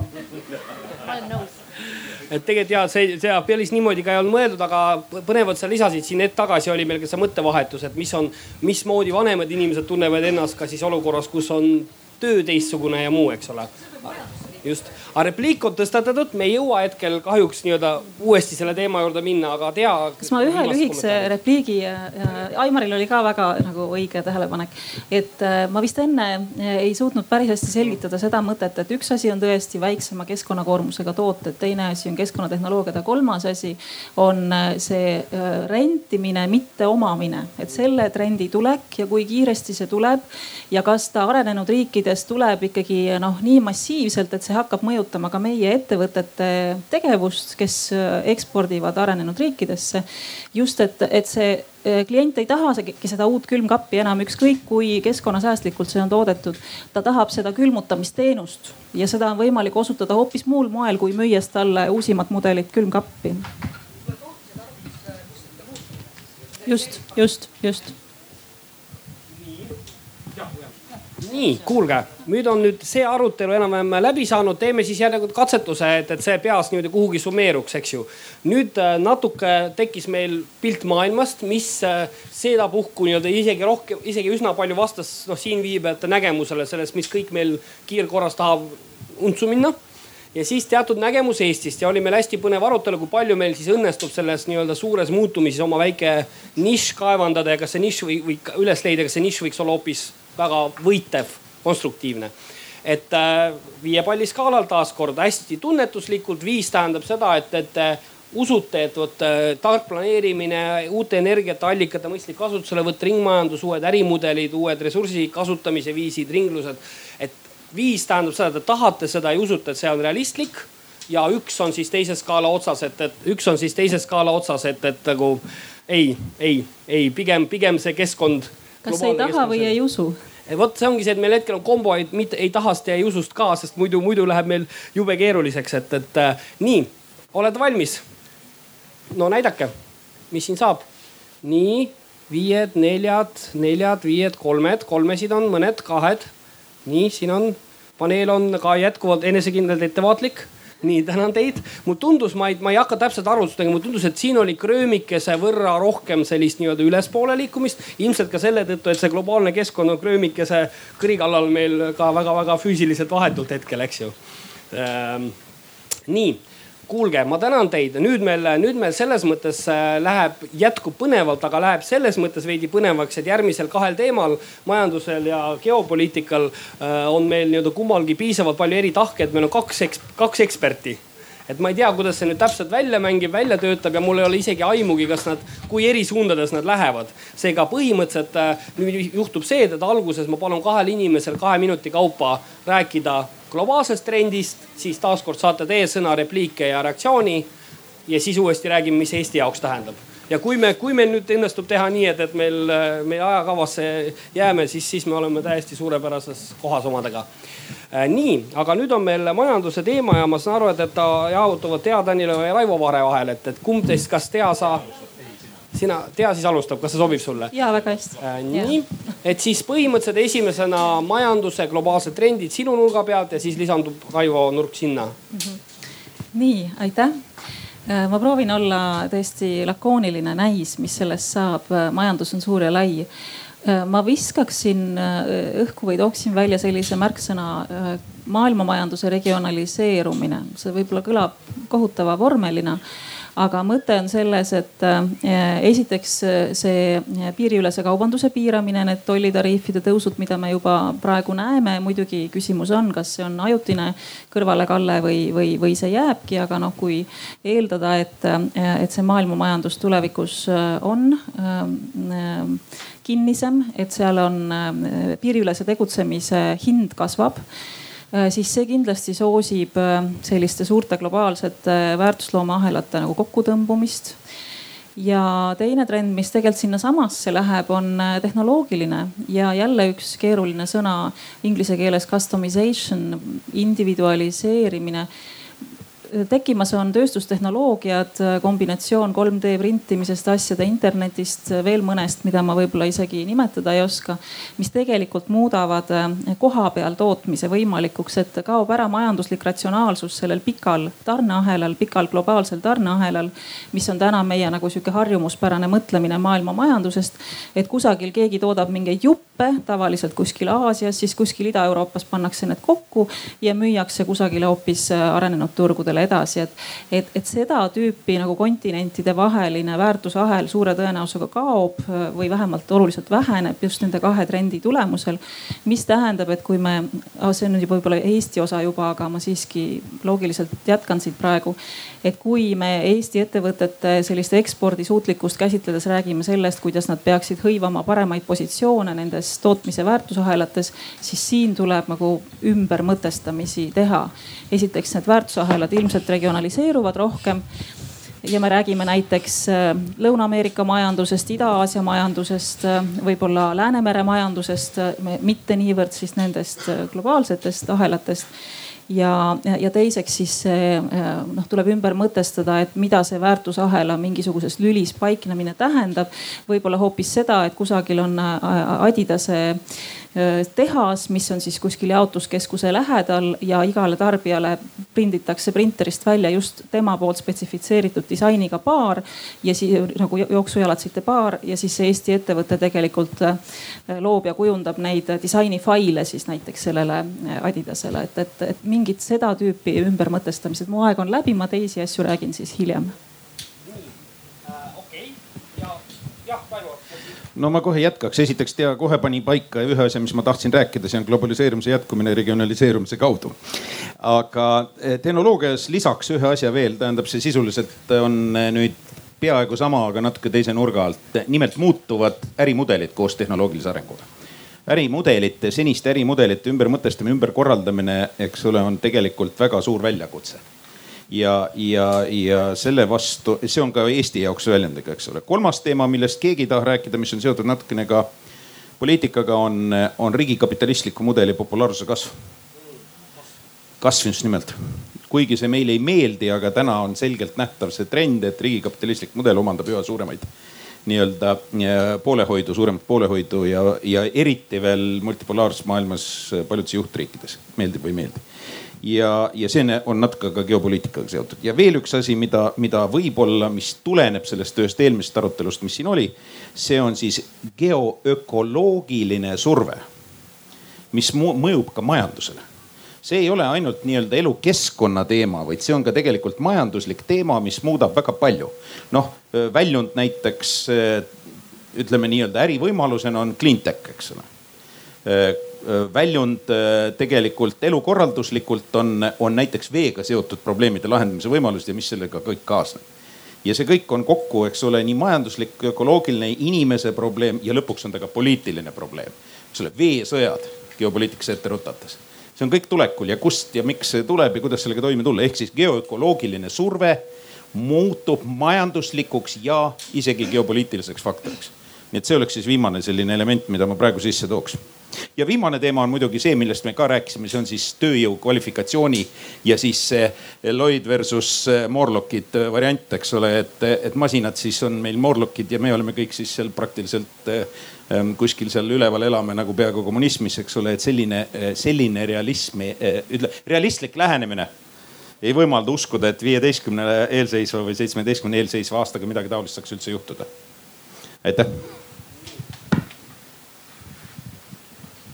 oota Raivo korraks, sa ütlesid, et, et viiste, viieteist aastaga mida ei juhtu? ei saa olla niimoodi, et, et äh, võtab üle täielikult nii-öelda masin selle, selle heaoluloome äh, nii majanduslikus kui sisulises kvalitatiivses mõttes. ja meie saame tegeleda, nagu siin kõlas juba, et tegeleme ainult meeldivate hobidega. et seda ei juhtu. tule, tuleb ümberstruktureerimine see hariduse teema, mida mina tõstatasin ka, on sellega seotud, aga see on ikkagi tegevus, mis on seotud majandusliku tegevuse vajalikkusega. ehk siis ikkagi tuleb endale nii-öelda äh, ülalpidamist tankida suuremale osale elanikkonnast jätkuvalt ka edaspidi okay.. nii äh,, kohe, kas sa, ma enne, kui enne annan, tahan kiiresti öelda, kas kiiresti tekkis mõni repliik? Äh, kas jah? ta just ma tahtsin öelda, et lihtsalt kuna tegu hästi paljud mõisted viskasime juurde, kui mõni täpsustav küsimus on või, või mõni kiire repliik, saate sinna usaldada, ulatada taha mis on maailma majanduse regionaliseerumine ja kas regioonide vahel ka midagi toimub? ikka toimub, alati on toimunud, aga eh, maailm on elanud juba mitu globaliseerumise erineva tasemete globaliseerumise etappi läbi oma ajaloos ja, ja iga kord on see teisenenud selleks, et siis ta tõmbub uuesti natukene kokku ja, ja hakkab nii-öelda geograafiliste regioonide kaupa arenema edasi rohkem. seal regiooni sees võib veel väga vilgas omavaheline tegevus olla, aga regioonid omavahel nii tugevalt enam seotud ei ole. ehk siis äh, laias laastus see praegu on see, mida Tea ka rääkis, mis on toimumas natukene. ja kus meie oleme tegelikult täiega osalised, sellepärast et astudes Euroopa Liitu, me tegelikult tegime selle valiku iseenda jaoks juba praktiliselt ära. Euroopa Liit on selgelt majanduspoliitilises mõttes ja geopoliitilises mõttes on siis katse olla nii-öelda regionaalne arengukeskus tulevikumaailmas konkurentsivõimeline, kusjuures tema konkurentsivõime kogu aeg langeb seejuures. ja, ja me oleme üks selle osa. okei okay,, Tea, kas sa tahad midagi juurde öelda? kuna see algselt tuli sinult see mõiste ja Raivo ja, laiendas. ja ei, see laiendus, sellel asjal ongi palju tahke ja selles mõttes on see kõik, mis on kõlanud, on absoluutselt väga õige ähm, ma nii palju ütlen juurde, et seda tõukab veel lisaks tagant ka see, et need ütleme mm, arengumaade piirkonnad äh, on järjest rohkem eneseküllased, et, äh, et Hiina on järjest rohkem turg ja mitte enam vabrik ja, ja see kehtib nagu paljude teiste riikide kohta, et mida me oleme näinud Äh, kui tulla tagasi ka selle ebavõrdsuse teema juurde, mida Riina puudutas. et riikidevaheline ebavõrdsus on tegelikult viimastel aastakümnetel jõudsalt, jõudsalt vähenenud. küll arenenud riikide sees on kasvanud riikide sisene ebavõrdsus. Aga et jah, et üks asi on siis regionaliseerumise puhul see nii-öelda protektsionistlikud meeleolud, siis on see tehnoloogilised äh, võimalused ja ka veel need, ütleme need ökoloogilised kaalutlused veel lisaks. ja siis ma lisaksin siia siis see, et mingisugused piirkonnad ongi järjest rohkem eneseküllased ja, ja ei peaks siis enam olema ainult tootmisbaasiks, vaid nad oma nii-öelda turunõudluse abil suudavad äh, nagu omas, omas mingisuguses lähimas regioonis äh, jätkusuutlikult majandada, nad ei ole sõltuvuses enam äh, suurriikide tarnepoliitikatest. okei okay nüüd on põnev. kas on kellelgi veel küsimust või repliiki? nii, ma annan paar sõna, siis, siis, siis põrgatame siia selle natuke võiks avada seda riigikapitalismi nagu äh, teemat, et, et see on nagu okei okay,, see on nagu trend või see nagu kasvab, aga, aga mis selle taga on, et, et kas on äh, jah, kas on nagu põhjus või tagajärg või kumb ta on? aga natuke sest ma saan aru, teema on tegelikult väga tuline Eestis praegu, et, et olge head. väga lühidalt kokkuvõttes see, see, see tõenäoliselt on kombinatsioon erinevatest faktoritest iseenesest äh, on see muidugi tulemus, aga põhjused on äh, tõenäoliselt kuskil mujal. Esimene osa sellest on seotud äh, majandusliku enda loogikaga ja on seotud sellega, et eriti suuremastaabilistes majandusruumides on riigikapitalistlikul vormil teatud eeliseid arengukiirenduse saavutamisel lühikeses ajaperioodis. nimetame asju niimoodi ja see on sellepärast praegu olukorras, kus väga paljud suurriigid olemuslikult või mehaanilises mõttes suurriigid on üritanud kiiresti areneda, on nad seda teed paratamatult natukene üritanud ka minna, ehk siis tõmmata nii-öelda selle abil äh, paremini ressurssi äh, kasutades. iseasi, kas see on parem ressursi kasutamine, aga ta on nähtav. aga teine pool asjast on nüüd vägagi poliitiline, see on väga mugav. valdav osa nendest äh, riikides, kus on riigikapitalistlikku arenguteed mindud, alates Hiinast, mis on seda kasutanud vormina, Venemaad siinsamas kõrval kasutades. aga lõpetades ka näiteks India üksikute näidetega või näiteks ammugi igasuguse äh, Lähis-Ida äh, lemmikute, mitte lemmikutega, siis seal on tegelikult ikkagi poliitilised põhjused. riigikapitalism võimaldab kontrolli ja uues ühiskonnas, mis on atomiseeruv samal ajal, eks ole, me siin ei rääkinud sellest inimese arengu kontekstis, on hästi oluline et, et riik, vähemalt poliitiline, poliitiline eliit tahab säilitada kontrolli, see on üks viise. Majandusliku kontrolli kaudu. riigikapitalism on selles mõttes ka mugav. nii et see on tulemus, kui te küsite, kas see on tulemus, jah, see on tulemus, aga selle põhjused on suhtes süvapõhjused ja nad ei kao mitte kuhugi kusjuures veel. Seda enam, et eh, infrastruktuurse arengu nii-öelda noh, kuidas öelda, vähemalt hüppelise infrastruktuurse arengu jaoks on riigikapitalistlik mudel ka kõige efektiivsem mudel paraku, tuleb tunnistada just selles valdkonnas, infrastruktuurses valdkonnas, ma rõhutan seda nii et paraku see nii on jah. Tea, kas sa tahad lisada?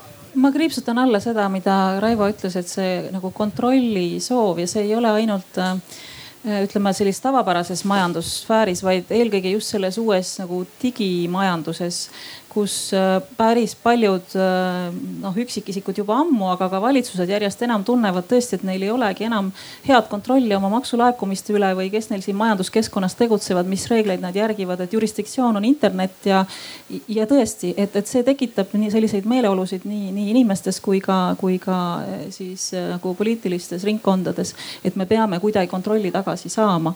aga küsimus on, kas see kontrolli on võimalik tagasi haarata riigiti või pigem pigem kuidagi noh, mingisugustes äh, suuremates mm -hmm. riikidevahelistes plokkides reegleid kokku leppides.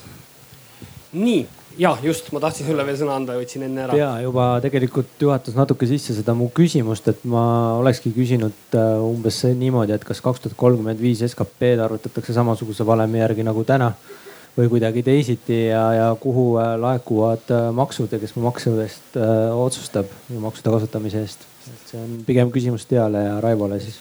et aga lühidalt kommenteerige, siis kohe liigume Eesti ma ei tea, Tea võib-olla oskab vastata, mina ei oska, mina ütlen ausalt, et ma ei usu, et täna viieteist aasta pärast enam jätkub see skp arvestus, nagu ta täna on. seda enam, et kolme, kahe tuhande kolmekümnendaks aastaks Hiina absoluutväärtuses möödub Ühendriikidest majandusmahult. skp arvestuses, see ei ole enam kasulik meile.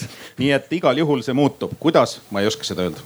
nii, jah ja skp arvestus, see selleks või seda ma ka, on keeruline kommenteerida, aga mis ma tahtsin öelda, on see, et tegelikult äh, üks võib-olla lisada nendele trendidele on tegelikult, äh, kes kontrollib äh, noh, kes, see on võib-olla kõlab natukene mustvalgelt, aga, aga eh, praegu ju, kui me mõtleme sellest, et miks on suurenenud eh, rikkuse kontsentratsioon või miks on eh, tööjõu tasustamine võrreldes kapitalituluga teinud vähikäiku siin viimastel kümnenditel ju kogu maailmas, et tööjõu osa rahvuslikes sissetulekutes on kahanenud, kapitali osa on, on kasvanud ja, ja noh, enamuse inimeste jaoks, kes me tegutseme töövõtjana, see ei ole hea uudis.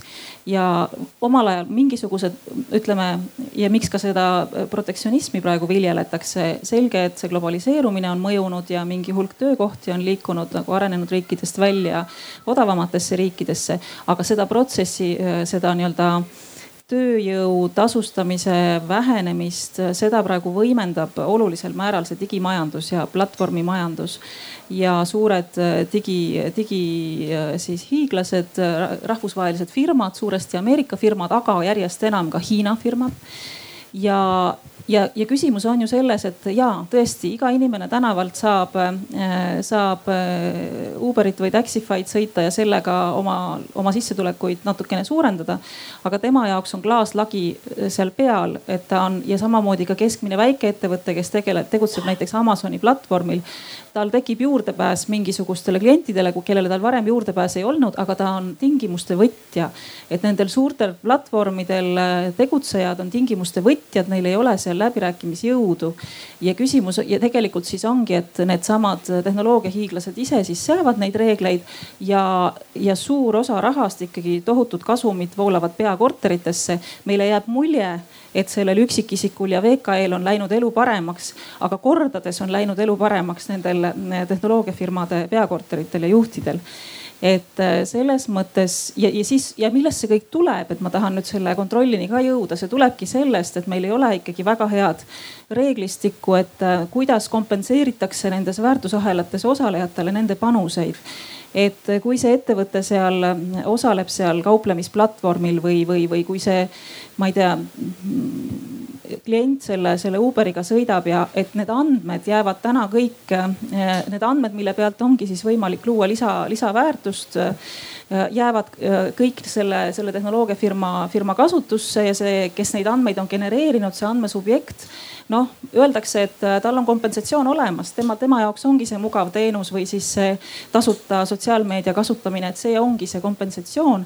Tegelikkuses on see kompensatsioon ikkagi tühine võrreldes sellega, äh, milliseid tulusid need ärimudelid genereerivad nendel nii-öelda juhtpositsioonidel olijatele ja, ja kui seda reeglistikku noh, kuidagi rahvusvaheliselt ei muudeta, siis noh, ongi see tunne, et kontroll järjest kaob ja, ja, ja üksikisikul või väikeettevõttel on nagu järjest raskem noh, oma tulusid suurendada. nii, aga tead selle rõõmsa noodi peal, kas ma võin sul kohe kutsuda üles jätkama ja ütlema, mis see Eesti jaoks siis tähendab?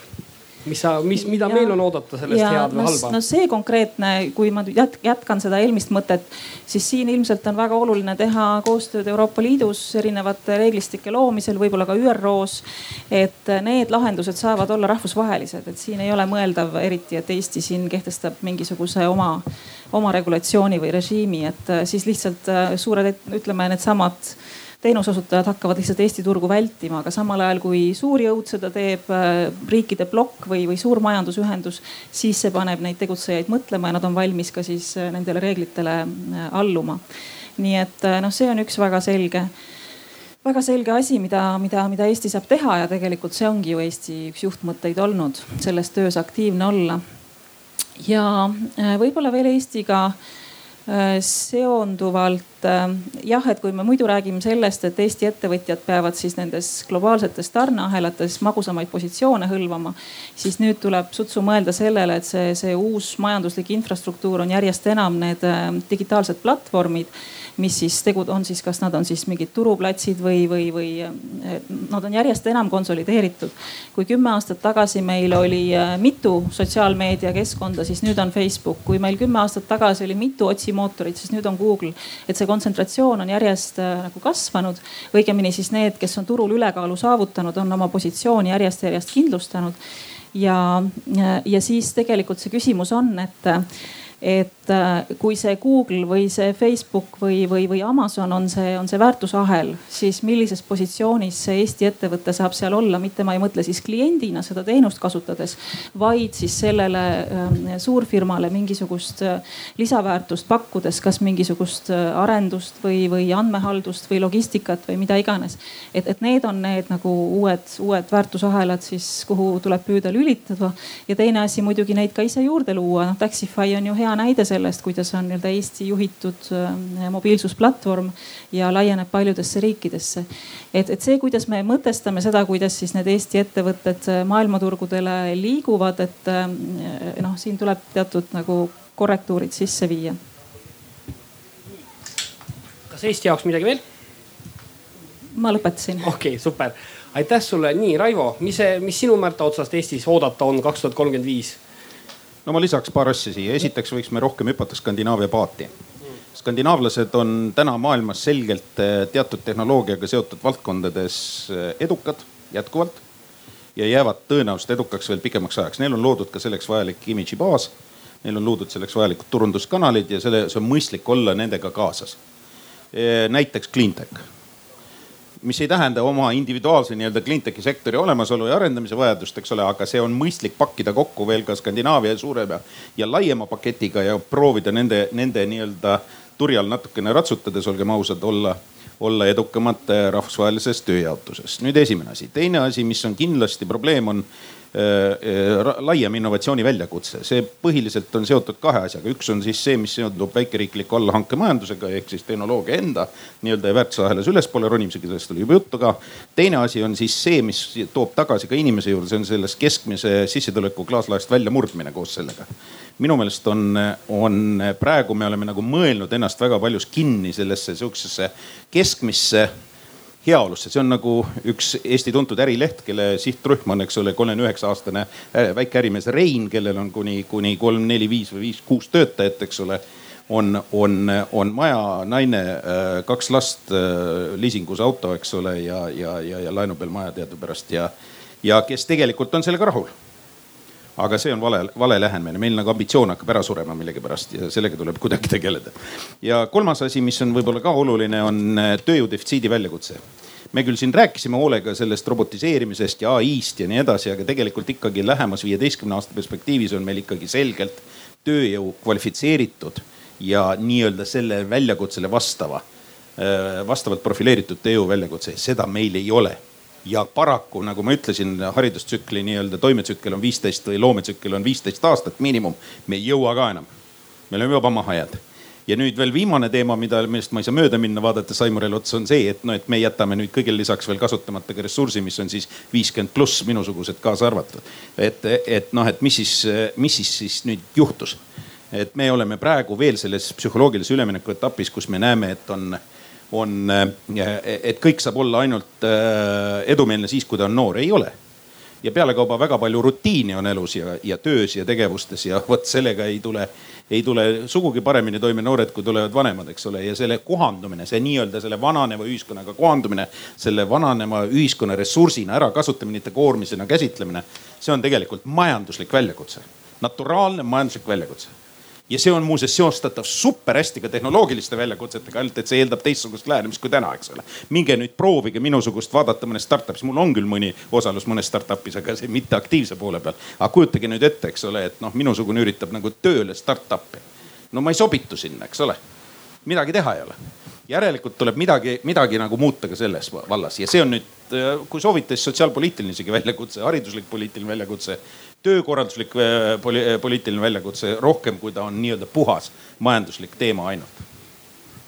no nii, tänan sind, nüüd on meil umbes kolme-nelja küsimuse, repliigi, kommentaari jagu ruumi. nii sealt kasvõi veel number kaks, siis alustame siit ja sealt vaatame edasi.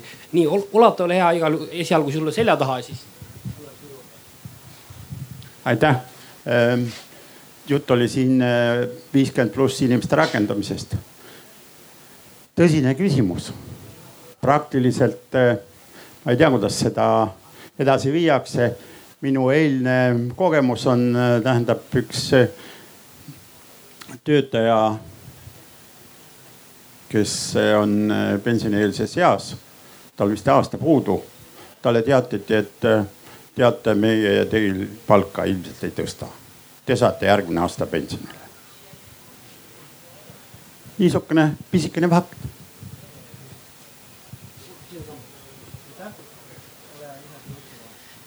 küsiks võib-olla sellise küsimuse, et kui tänapäeva globaalne majandusmudel on üles ehitatud majanduskasvule, skp tõus on iga riigi eesmärk ja siht rahvastik kasvab, tarbimine kasvab, ressursside kasutus kasvab.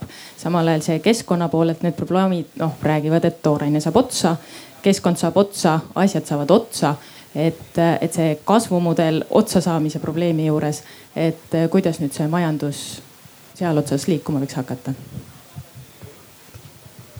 nii, kas? ma prooviks alustada sihukese omapärase näitega. teadupärast äh, märkimisväärne osa nüüd erinevatel andmetel, nelikümmend kuni kuuskümmend protsenti äh, arable land ehk siis äh, haritavast maast on, on, mida tegelikult maailmas veel on järgi jäänud, on tegelikult Aafrikas nüüd Aafrikas me, ennist ma mainisin ära, et samal ajal Aafrika elanikkond kasvab kiiremini kui Aafrika majandus. Need kaks asja tuleks kuidagi kokku traageldada, eks ole. täna seda silmnähtavalt veel juhtunud ei ole. teiseks äh, absoluut, äh, absoluutse vaesuse äh, teema on poliitilises diskussioonis olnud kui aktsioom, et inimkonna nii-öelda kasvuga koos on absoluutne vaesus kogu aeg hirmsalt kasvanud, ei ole kes viitsib natukene kaevata, siis avastab, et absoluutset vaesust on oluliselt vähemaks jäänud. eriti suure panuse sellesse on muuseas Hiina andnud, aga, aga mitte ainult. aga relatiivne vaesuse teema eksisteerib, ehk siis tegelikult meil on nüüd selline olukord, kus meil on selle ressursikasutusega nagu vanas majandusmudelis on probleem.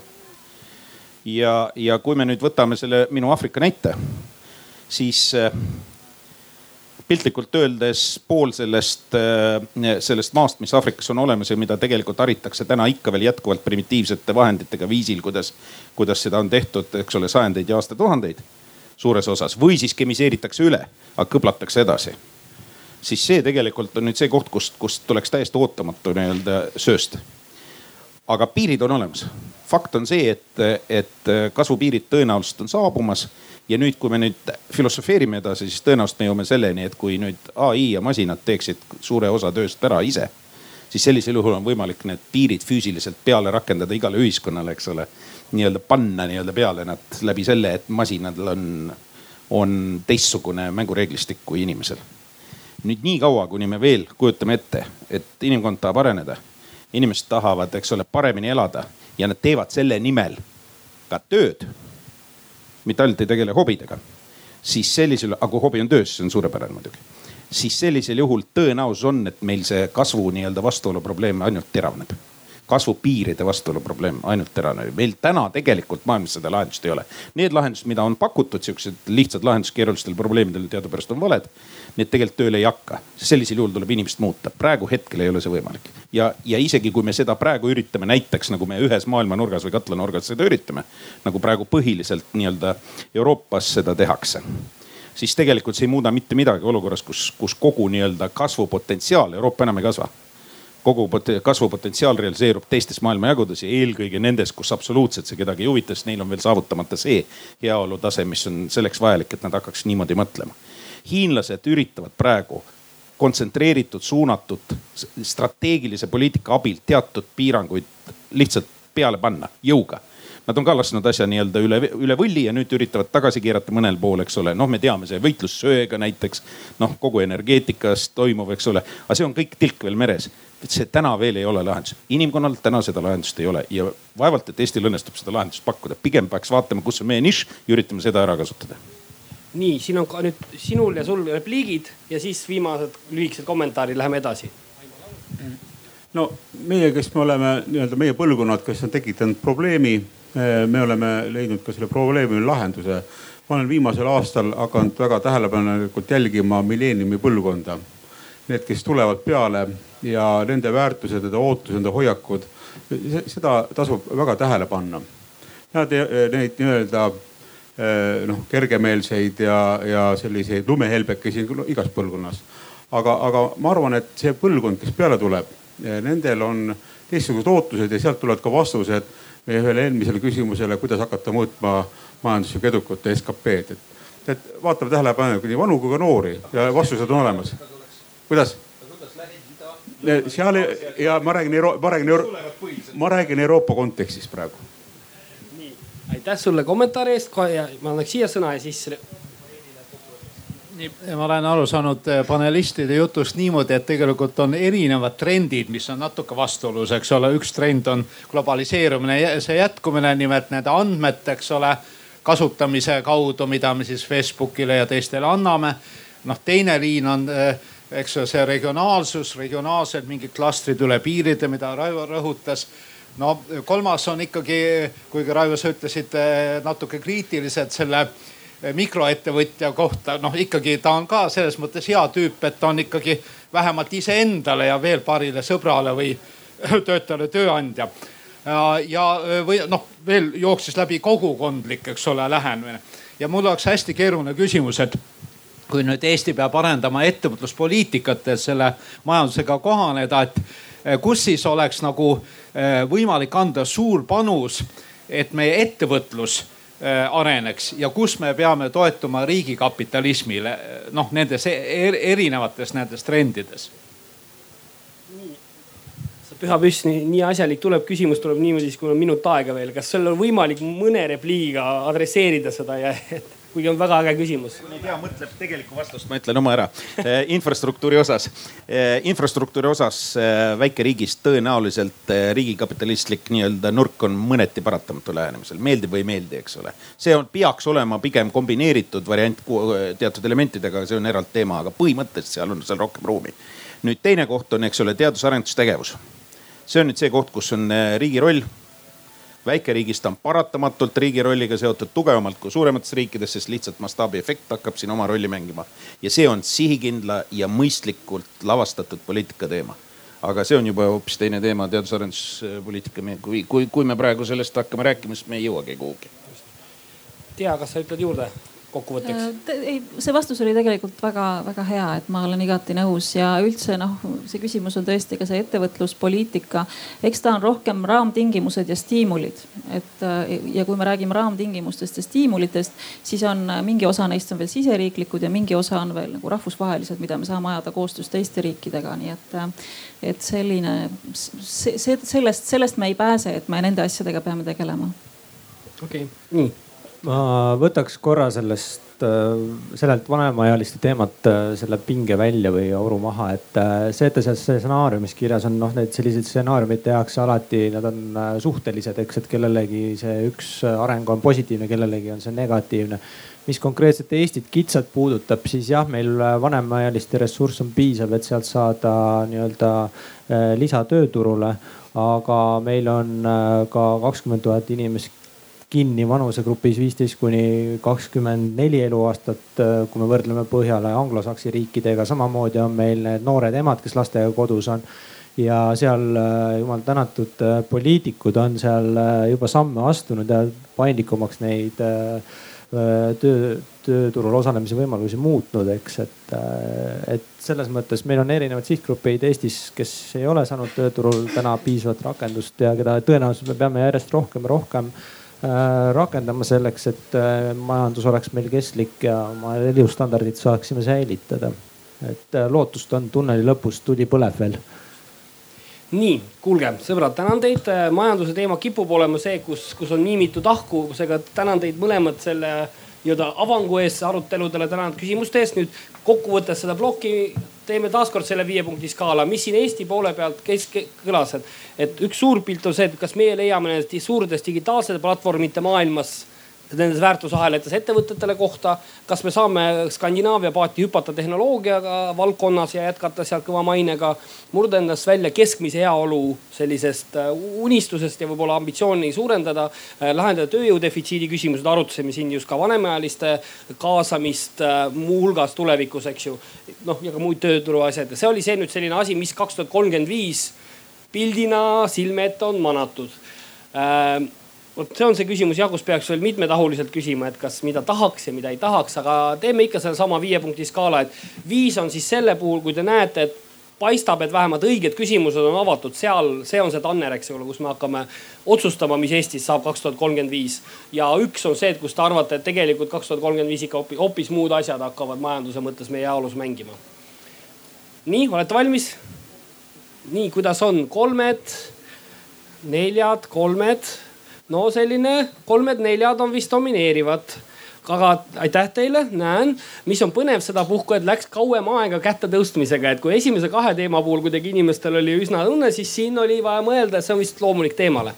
Nii, tänan teid, kuulge, meil on nüüd neljas äh, äh, noh, kõige laiem teema mingis mõttes, äh, aga, aga, aga kohe vaatame, kuidas me sellega hakkama saame. et võib juhtuda, et me ei saa enam nii laialt seda diskuteerida nagu praegu aga vot, kellele ma siis sõna annaks, seekord on meil kaks eksperti taas, et, et Raivo kordub, aga e, nüüd saab lõpuks Erik, kes on kannatlikult oodanud hetke ka lavale. ma ei hakka pikalt viivitama, et, et ütle sa, mis siis sinu perspektiivis maailmas geojulgeolekupoliitikas ja geopoliitikas on vaja tähele panna no kõigepealt äh, võib-olla Mark Twaini sõnadega, et alustaks, et ära tee kunagi ennustusi ja eriti, mis puudutab tulevikku. et äh, ma arvan, et geopoliitikast rääkides meil on nii palju nimetajaid. Äh, kahe minutiga neid kõiki ära nimetada on väga keeruline ma ise tegin mingisuguse listi, ma sain kaheksateist neid umbes, aga no tegelikult väga paljud on siit ka läbi käinud, et noh, seesama kliima, kliimamuutuse teema, energeetiline, energiajulgeolek kõik see, millised on majandustrendid, see on äh, kõik selle globaalse nii-öelda trendi osa. Ma arvan, et mis nagu meie jaoks on olulised märksõnad, on esiteks on see, et ähm, äh, Eesti on osa lääne, lääne nii-öelda tsivilisatsioonist. Lääne mudel on toiminud, see on väga hästi toiminud, me oleme väga rahul, me oleme väga integreeritud läände. et täna on tegelikult see, see suur küsimärk ähm, ma arvan, mis mõjutab väga oluliselt ka seda, kus me kahekümne aasta pärast oleme, on see, et kas lääne mudel sellisel viisil, nagu me teda teame ja nagu, mille osa me oleme, töötab äh, nii-öelda laiemalt selles mõttes, et noh, ma, ma nimetaksin seda multilateraalseks liberalismiks ja, aga noh, ma ei, ma ei lähe nii-öelda, nii-öelda filosoofilisse nii-öelda vaidlusse või, või, või, või debatti sel teemal, mis asi on lääne mudel. me te, tegelikult ju kõik ise teate seda põhimõtteliselt esindusdemokraatia, kõik see. Nüüd küsimus on selles, kas, kas, kas see lääne mudel töötab sisemiselt ja teiseks, kas ta töötab ka globaalselt? Äh, meie jaoks on väga oluline küsimus see, kas liitlassuhted selle nii-öelda lääne mudeli muutumisel ka muutuvad. täna me tunneme ennast suhteliselt turvaliselt. no Eesti jaoks on täiesti selgelt kõige eksistentsiaalsem küsimus on julgeolek. see on füüsiline julgeolek kõik see ülejäänud tuleb, noh, see, see on see, kus me nii-öelda arendame oma ühiskonda sisemiselt. aga meie jaoks on oluline see, et, et see julgeolekukeskkond, milles me täna oleme ja me oleme geopoliitiliselt väga keerulises äh, äh, nii-öelda piirkonnas, noh ega me ei saa naabreid valida. me oleme ajalooliselt olnud väga keerulises geopoliitilises olukorras. täna töötab see geopoliitika mõnes mõttes meie kasuks. me oleme NATO liikmed, me oleme Euroopa Liidu liikmed. mina ei oska täna öelda, kas kümne, kahekümne aasta pärast või aastal noh, kaks tuhat kolmkümmend kaheksa, kui me seda Eesti sada kakskümmend tähistame, on esiteks need organisatsioonid sellisel viisil olemas ja teiseks, kas me äh, äh, kui nad on olemas, siis äh, nagu mida, mida me kas nad loovad nii-öelda juurde julgeolekut meile? teiseks, ma arvan, mis on hästi oluline teema, on see, et kes on need nii-öelda geopoliitilised mõjutajad lähema kümne, kahekümne aasta jooksul. Äh, milline on USA roll? Äh, ma ütleks nii, et Ameerika Ühendriigid on siiski viimased seitsekümmend aastat olnud dominantne jõud. okei okay,, meil oli viiskümmend aastat sellist bipolaarset maailma, aga siiski Ameerika väärtused, ideaalid, need on toiminud, need on tegelikult ka meie jaoks väga hästi toiminud, me oleme lõpuks selle osa. Äh, täna tundub, et see Ameerika sajand saab umbes viieteist, kahekümne aasta pärast läbi. Raivo juba nimetas seda, et äh, majanduslikult Hiina läheb äh, USA-st ette. India kasvab väga kiiresti, samamoodi teised regionaalsed jõud. ja nüüd on küsimus selles, et kui selline globaalne hegemoon kelle liitlane, väga lähedane liitlane meie oleme, kaotab oma mõjuvõimu ja teeb seda ka võib-olla nii-öelda laseb iseendale jalga, sest see, mida me täna näeme Ameerikas ei ole noh, me ahmime õhku, kui me loeme neid tweet'e, mida me iga päev, eks ole, näeme. Et kas see on nüüd nagu üldine trend, kas me näeme seda, et, et Ameerika tõmbub nii-öelda tagasi, kas ta lähtub rohkem nii-öelda iseenda positsioneerimisest globaalsel skaalal või ta on ikkagi huvitatud selliste tugevate liitlassuhete säilitamisest. sama asi kehtib Euroopa Liiduga. ma ei ole kindel, et viieteist aasta pärast on Euroopa Liit sellisel kujul olemas, nagu me teda täna teame. me näeme väga suurt, äh, väga suurt probleemide ahelikku äh, lihtsalt ühe tooks välja, mis on võib-olla meie jaoks kõige olulisem, on see, et kas eurotsoon kui selline äh, on alles, kas me oleme eurotsooni osa teiseks, millised on Euroopa piirid, kõik, mis puudutab Schengenit. Äh, sellised teemad, milline on üldse Euroopa Liidu mõjukus globaalsete nii-öelda arengute suunamisel? Äh, ja, ja võib-olla siis viimasena ma tooks välja selle, et, et mis see nüüd tähendab, kui selline lääne mudeli äh, nii-öelda allakäik teostub kui, kui, kui, kui, kui me näeme seda, et regionaalsed jõud, mida siin on juba nimetatud äh,, nii-öelda nende ambitsioonitase tõuseb, mida see tähendab meie jaoks? me peame eelkõige mõtlema selle peale äh, Venemaa kontekstis, mis on meie jaoks jällegi julgeolekupoliitiline teema. aga sellest me saame võib-olla rääkida siis, kui me räägime konkreetselt Eesti nii-öelda noh nii-öelda ohtudest või, või, või trendidest äh, järgmises paneelis. ja siis kindlasti noh, kõik see infotehnoloogiline areng, kliima soojenemine, majandusmudelite muutus äh, nende, neid on käsitletud. Need on kindlasti väga suur osa sellest, kuidas see nii-öelda globaalne kontekst või geopoliitika järgmise kümne-viieteist aasta jooksul muutub nii, tänan sind ja Raivo kohe otsa. kohe otsa, väga suures osas kõigega nõus ja, ja juba ära räägitud, lihtsalt üritan märksõnadena teistpidi formuleerida väikse nurgamuutusega. tekkinud multipolaarsuse arengu mõju senisele globaalsele elukorraldusele, see on see esimene teema. Teise teema puhul ma kasutaks sellist asja nagu Venemaa suurriikliku ambitsiooni väljakutse naabritest väikeriikidele, sealhulgas Eestile ja see on olemuslik ja see ei kao kuhugi. kui keegi arvab, et juhtub viieteist aastaga midagi, mis muudaks äh, fundamentaalselt, et tuleb pärast Putinit keegi teine, siis kohe muutub, unustage ära, see on meil Toomasega ka üks eraldi hobiteema, võime pikalt rääkida seda. ja, ja, ja, ja kolmandaks Euroopa marginaliseerumine konkurentsivõimelise osalejana rahvusvahelis tööjaotus ka poliitilist tööjaotust, aga ka majanduslikust tööjaotust, aga antud juhul praegu räägime geopoliitilises kontekstis. Ja lisaks sellele ma lisaks, see on kõik läänemudeli nii-öelda teema laiemast, millest praegu eks Eerik rääkis ja nüüd üks asi, mida veel tooks tehnoloogia poole pealt korraks nii imelik kui see esmapilgul ei tundu, siis geopoliitilises äh, mängureeglistikus võib märkimisväärset muudatust sisse tuua ai areng. ja ai areng mitte nii palju majanduslikus kontekstis, millest siin enne põgusalt räägiti, vaid hoopis sõjalis-tehnilises kontekstis. Ja koos äh, hypersonic relvade, relvastusega ai areng ja ega ilmaasjata teadlased ei kirjutanud petitsioonile alla, et, et ai-d mitte kasutada sõjaliste otsuste vastuvõtmisel.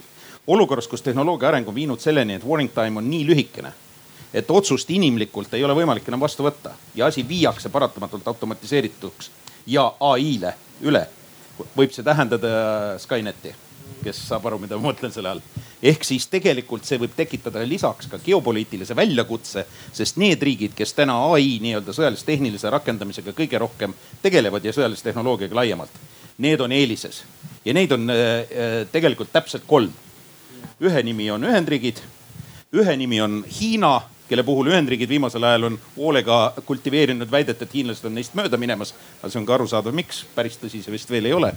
Ja kolmas on siis katsetab ka natukene Venemaa, kuigi viimast Putini initsiatiivid näitavad, et tõenäoliselt nad on natukene ikkagi tegelikult sellest maha jäänud. multikad ei aita ja nad üritavad seda praegu lihtsalt lükata edasi, et ajalist eh, nii-öelda kaotust eh, saaks tasa teha, mis neil on praegu võrreldes ameeriklastega. aga see on väljakutse ja selles me ei saa kõigele lisaks mitte midagi teha. meie jaoks on väljakutse selles, et me oleme tsivilisatsiooniline piiririik, punkt. just, just hästi lühidalt, Eerik. hästi lühidalt äh, viimane point, et mis, äh, mis on hästi oluline ka siin geopoliitiliste arengute äh, nii-öelda trendide jälgimisel on see, et, et mis puudutab kõik nii-öelda seesama, mida noh, sõjalist tehnoloogia. me oleme harjunud sellise konventsionaalse ohu hindamisega, aga tegelikult asi, mida me näeme igapäevaselt üha rohkem, mis hakkab meie mõjuga igapäevaselt iga indiviidi elu rohkem mõjutama, on nii-öelda küberohud või, või siis hübriidohud, mida, millest, millega me peame hoopis teisel viisil tegelema ja, ja, ja, ja, ja noh, me ei ole tegelikult väga selgelt valmis selleks, et, et me, me, me võime olla olukorras, kus tegelikult meie jaoks ka, kui me räägime ohtudest äh, julgeolekule on need pigem sellised e-, ebakonventsionaalsed ohud. konventsionaalsed ohud ei kao kuskile ära, aga ebakonventsionaalsete ohtudega me peame rohkem tegelema. Et äh, ma kohe annan repliigiks sõna, enne kui me Eesti poole ka hüppame, et ma ütlen, et see on, see on selline põnev täna jälgida, et, et noh, mida kaugemale läheb asi geopoliitika poole, siis on kohutavalt põnev kuulata, aga kuidagi jube lootusetu tunne on, sest kõige põnevamad asjad on need, mida ei saa ka mõjutada.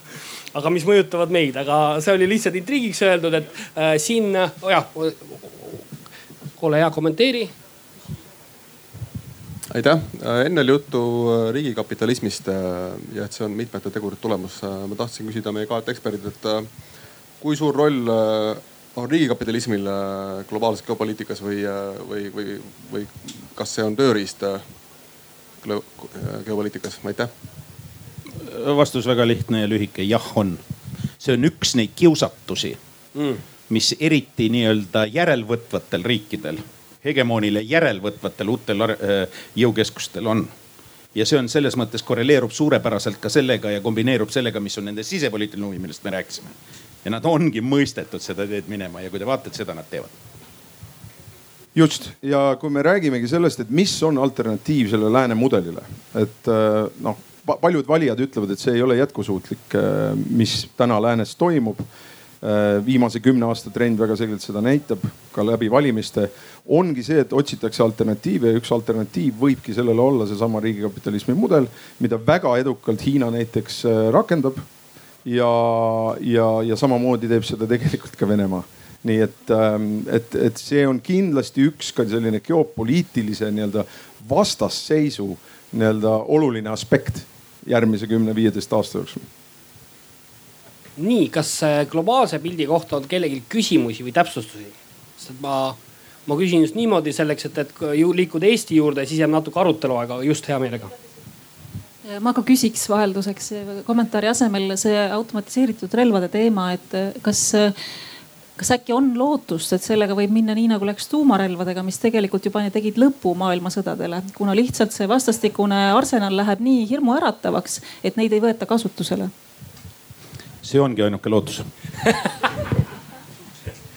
Ja põhimõtteliselt ju me kõik teame seda kontseptsiooni, kontseptsiooniga äh, võidurelvastumise ajal, kui, äh, mis oli MAD, eks ole, mutually assured destruction ehk siis kind, nii-öelda kindlasti kõiki hävitav süsteem, et see tegelikult see on sama teema aga samas noh, kui, kui rääkida sellest äh, just sõjalisest tehnoloogilisest arengust, siis pa, ma arvan, see oli vist nädal aega tagasi, kui USA ju teatas ka seda, et ta on nüüd loonud äh, kosmose väejuhatuse.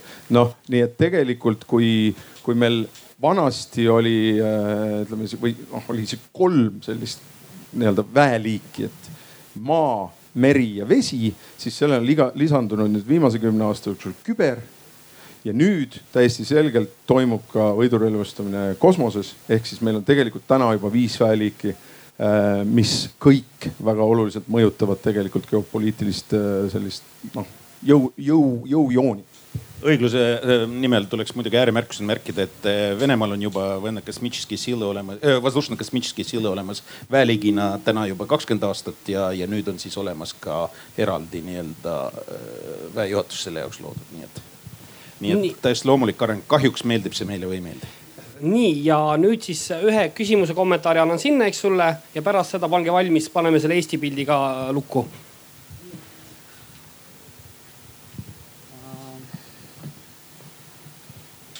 et äh, võib-olla peaks otsima neid vastuseid nendele küsimustele, mis hästi palju kõlasid, et äh, ajaloost, et äh, et näiteks nagu Hiina puhul, et Hiinast saab maailma suurim majandus, et noh Hiina võtab tegelikult ju oma positsiooni tagasi, sest äh, mingi üheksateistkümnenda sajandi lõpul ta alles äh, kaotas selle positsiooni. nojah, aga enne seda ta oli väga pikalt-pikalt kõige suurem majandus, et enamus äh, ajast on olnud Hiina maailmas suurim majandus. nüüd ta võtab selle positsiooni tagasi. et võib-olla tegelikult see olukord, mis on siin nüüd olnud, et on sihukene ajaloo kontekstis sihukene pigem unikaalne olukord, et et äh, me võime ka noh, sõltub nagu sellest, et kus nagu Hiina huvi nagu, kui ta nüüd esimene number üheks saab, et kus tema huvi läheb, et võib-olla meile tuleb äh, hoopis sellele Venemaale appi minna, et, et, et, et seal veel midagi püsti jääks, et, et ta seal ja noh, selles mõttes on nagu need ohud ja, ja riskid võivad hoopis äh, teisest kohast ilmuda välja, et et ähm, võib-olla tasuks vaadata ajalukku, kuidas seal on olnud, et pigem võib-olla on see hästi sihukene lühike aeg ja hästi rahumeelne aeg olnud Euroopas äh, kahjuks see on äh, õpetlik tõesti see ajalugu ja hiinlaste mahajäämus tuhat kaheksasada kakskümmend Angus Madisoni järgi olid nad kaugelt veel suurim majandus, India oli teine. ja äh, tuhat üheksasada kolmteist olid, olid nad juba üheksateist ja kahekümnes ja see oli seotud otseselt kahe asjaoluga ja see oli eelkõige seotud tööstusrevolutsiooniga, millest Hiina ja, ja, ja kogu Aasia jäid tolleks hetkeks veel välja. ja mis oli tegelikult, mis Suurbritannia tol hetkel viis suurimaks ja teine pool tööstusrevolutsioonist oli mis?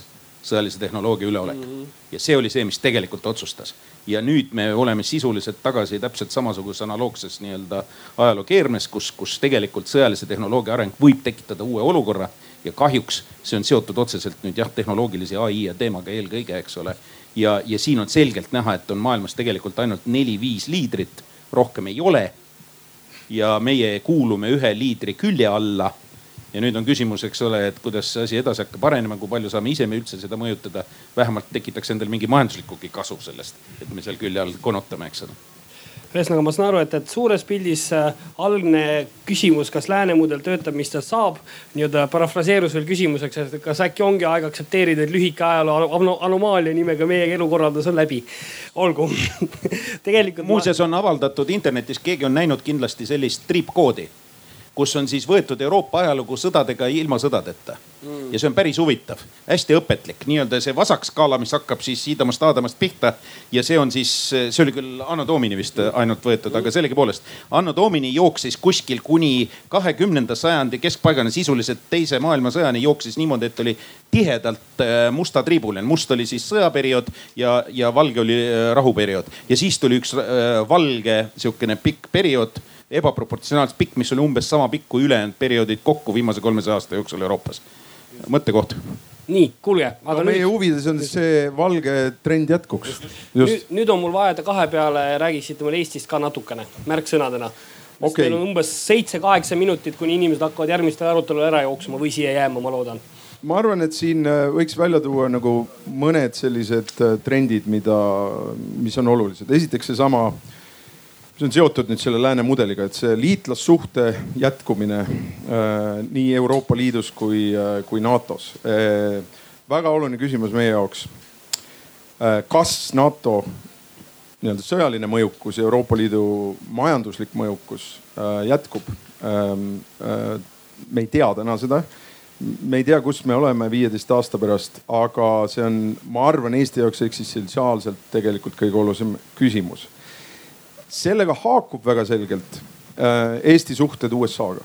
nagu Raivo ütles, me oleme olnud selle hegemooni nii-öelda külje all äh, vähemalt viimased noh, tegelikult taasiseseisvumisest peale, kus on ikkagi USA väga, väga, väga selgelt pühendunud äh, Balti regiooni julgeoleku tagamisse ja, ja täna me võime ennast turvaliselt tunda. Kas see jätkub, me ei tea. nüüd, kui see muutub, siis tuleb kohe mängu see, see, see, see riik ja see nimi, mida me väga tihti ei taha välja öelda.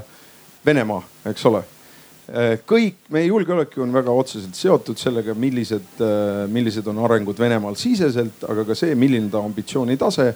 ja kui on näha, et lääs ja lääne nii-öelda julgeolekustruktuurid, majanduspoliitilised mudelid ja, ja liidud ei tööta, siis võib arvata, et Venemaal tekib soov testida öö, oma lähiriikides ehk siis ka ütleme siis Balti riikides eelkõige nii-öelda kas konventsionaalselt või veelgi tõenäolisem ebakonventsionaalsete vahenditega seda, kuidas lääs tegelikult siis reageerib. ja täna me räägime ikkagi, see on hoopis teine kontekst, me ei saa, me ei saa seda võrrelda Gruusia ja Ukrainaga, sest tänases hetkes on Eesti ikkagi nii-öelda puhta julgeoleku garantii all. kui Venemaa seda testib, siis, siis, siis me oleme tõsise probleemi ees. nüüd Venemaa puhul ma arvan, on siin on kaks arengut, üks on see, et et see kõik, mida nad täna teevad või on teinud, ütleme noh, suures osas kahe tuhande viiendast aastast alates äh, on, kas see on jätkusuutlik või nad saavad ühel hetkel aru, et tegelikult nende huvides on ikkagi vähemalt nii-öelda formaalselt mängida seda rahvusvahelise õiguse ja, ja kokkulepete nii-öelda äh, jälgimise mängu. ehk siis teisisõnu noh leida mingisugune nii-öelda kesktee või kompromiss suhetes läänega ja võib-olla isegi hakata rohkem integreeruma äh, lääne poole. sellisel juhul meie peaksime seda, seda olukorda enda huvides kasutama ja noh, mina olen alati öelnud, et, et suhted Venemaaga on väga olulised äh,. me tahame heanaaberlikke suhteid, aga samas, eks ole, nagu ameeriklased ütlevad, it takes two to tango ehk siis niikaua, kui meil seda teist poolt ei ole, me ei saa ise nagu väga palju muuta.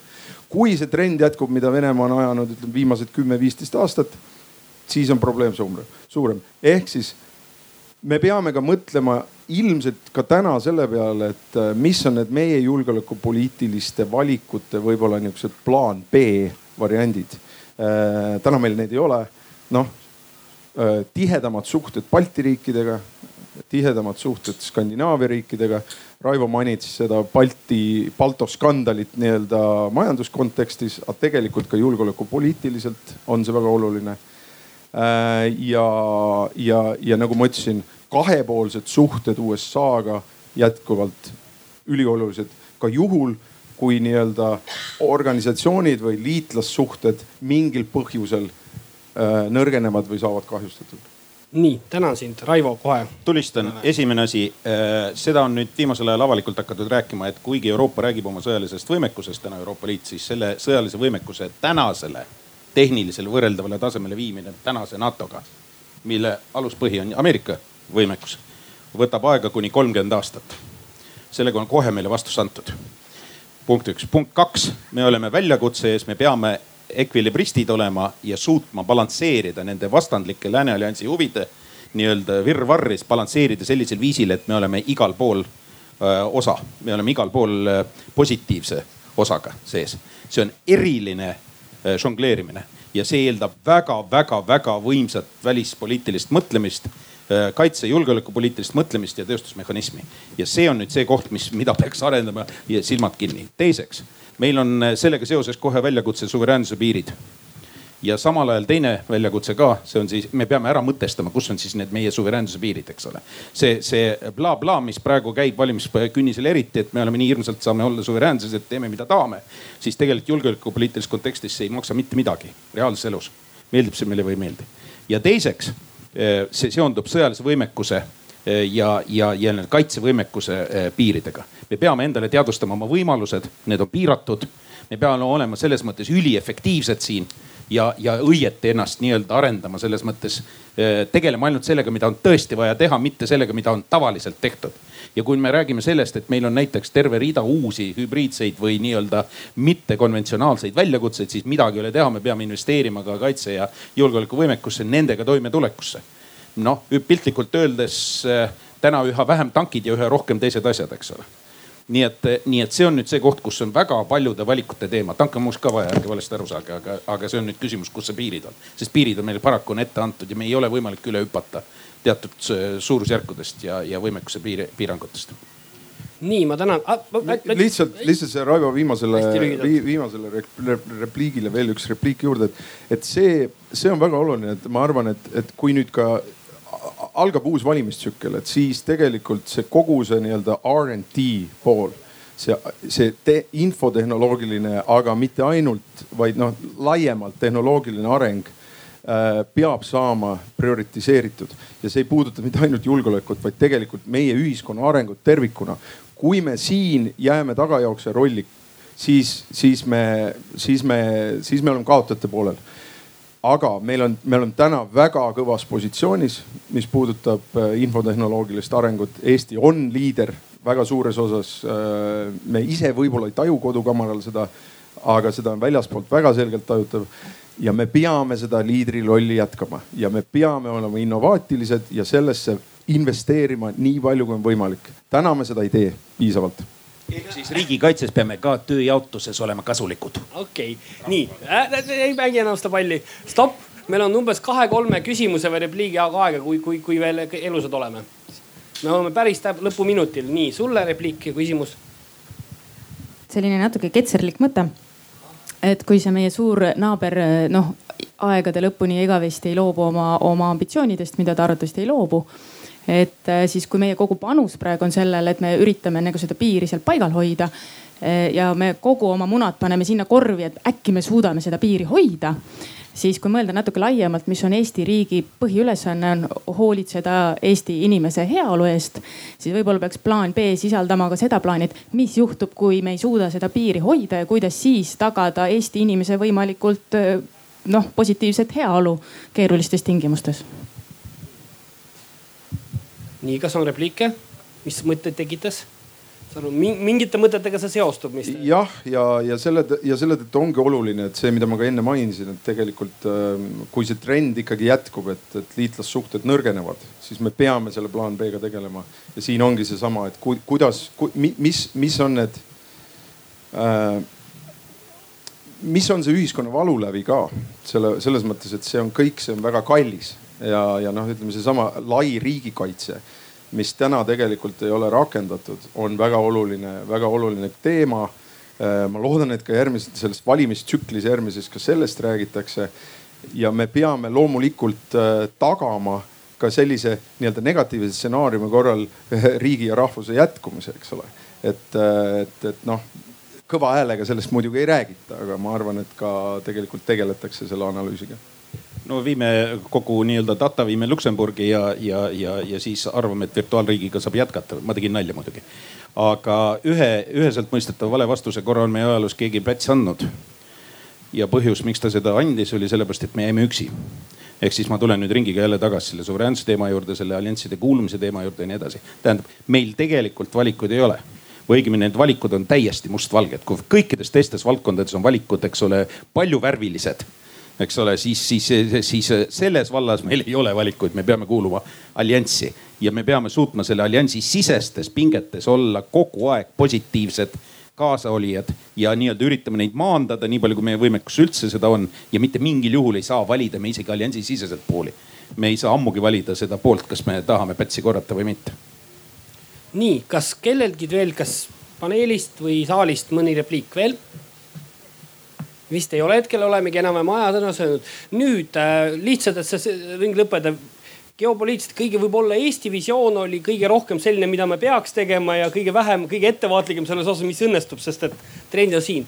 ometi selle Eesti nägemus, äh, mis siin tuli, eks ole, liitla-, kindlasti jätkata liiklussuhetega, balansseerida neid erinevaid huvisid ka lääne sees.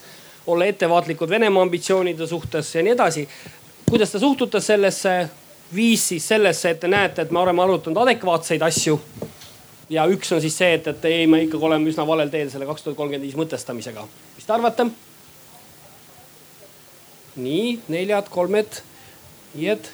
okei okay,, tundub nagu jälle siit keskmisest suurema poole, aga mul on hea meel, et ka siin ikkagi on kirju pilt selles mõttes, muidu oleks väga murettekitav tegelikult, kõik käed oleks rivis tõusnud viitega või vastupidi.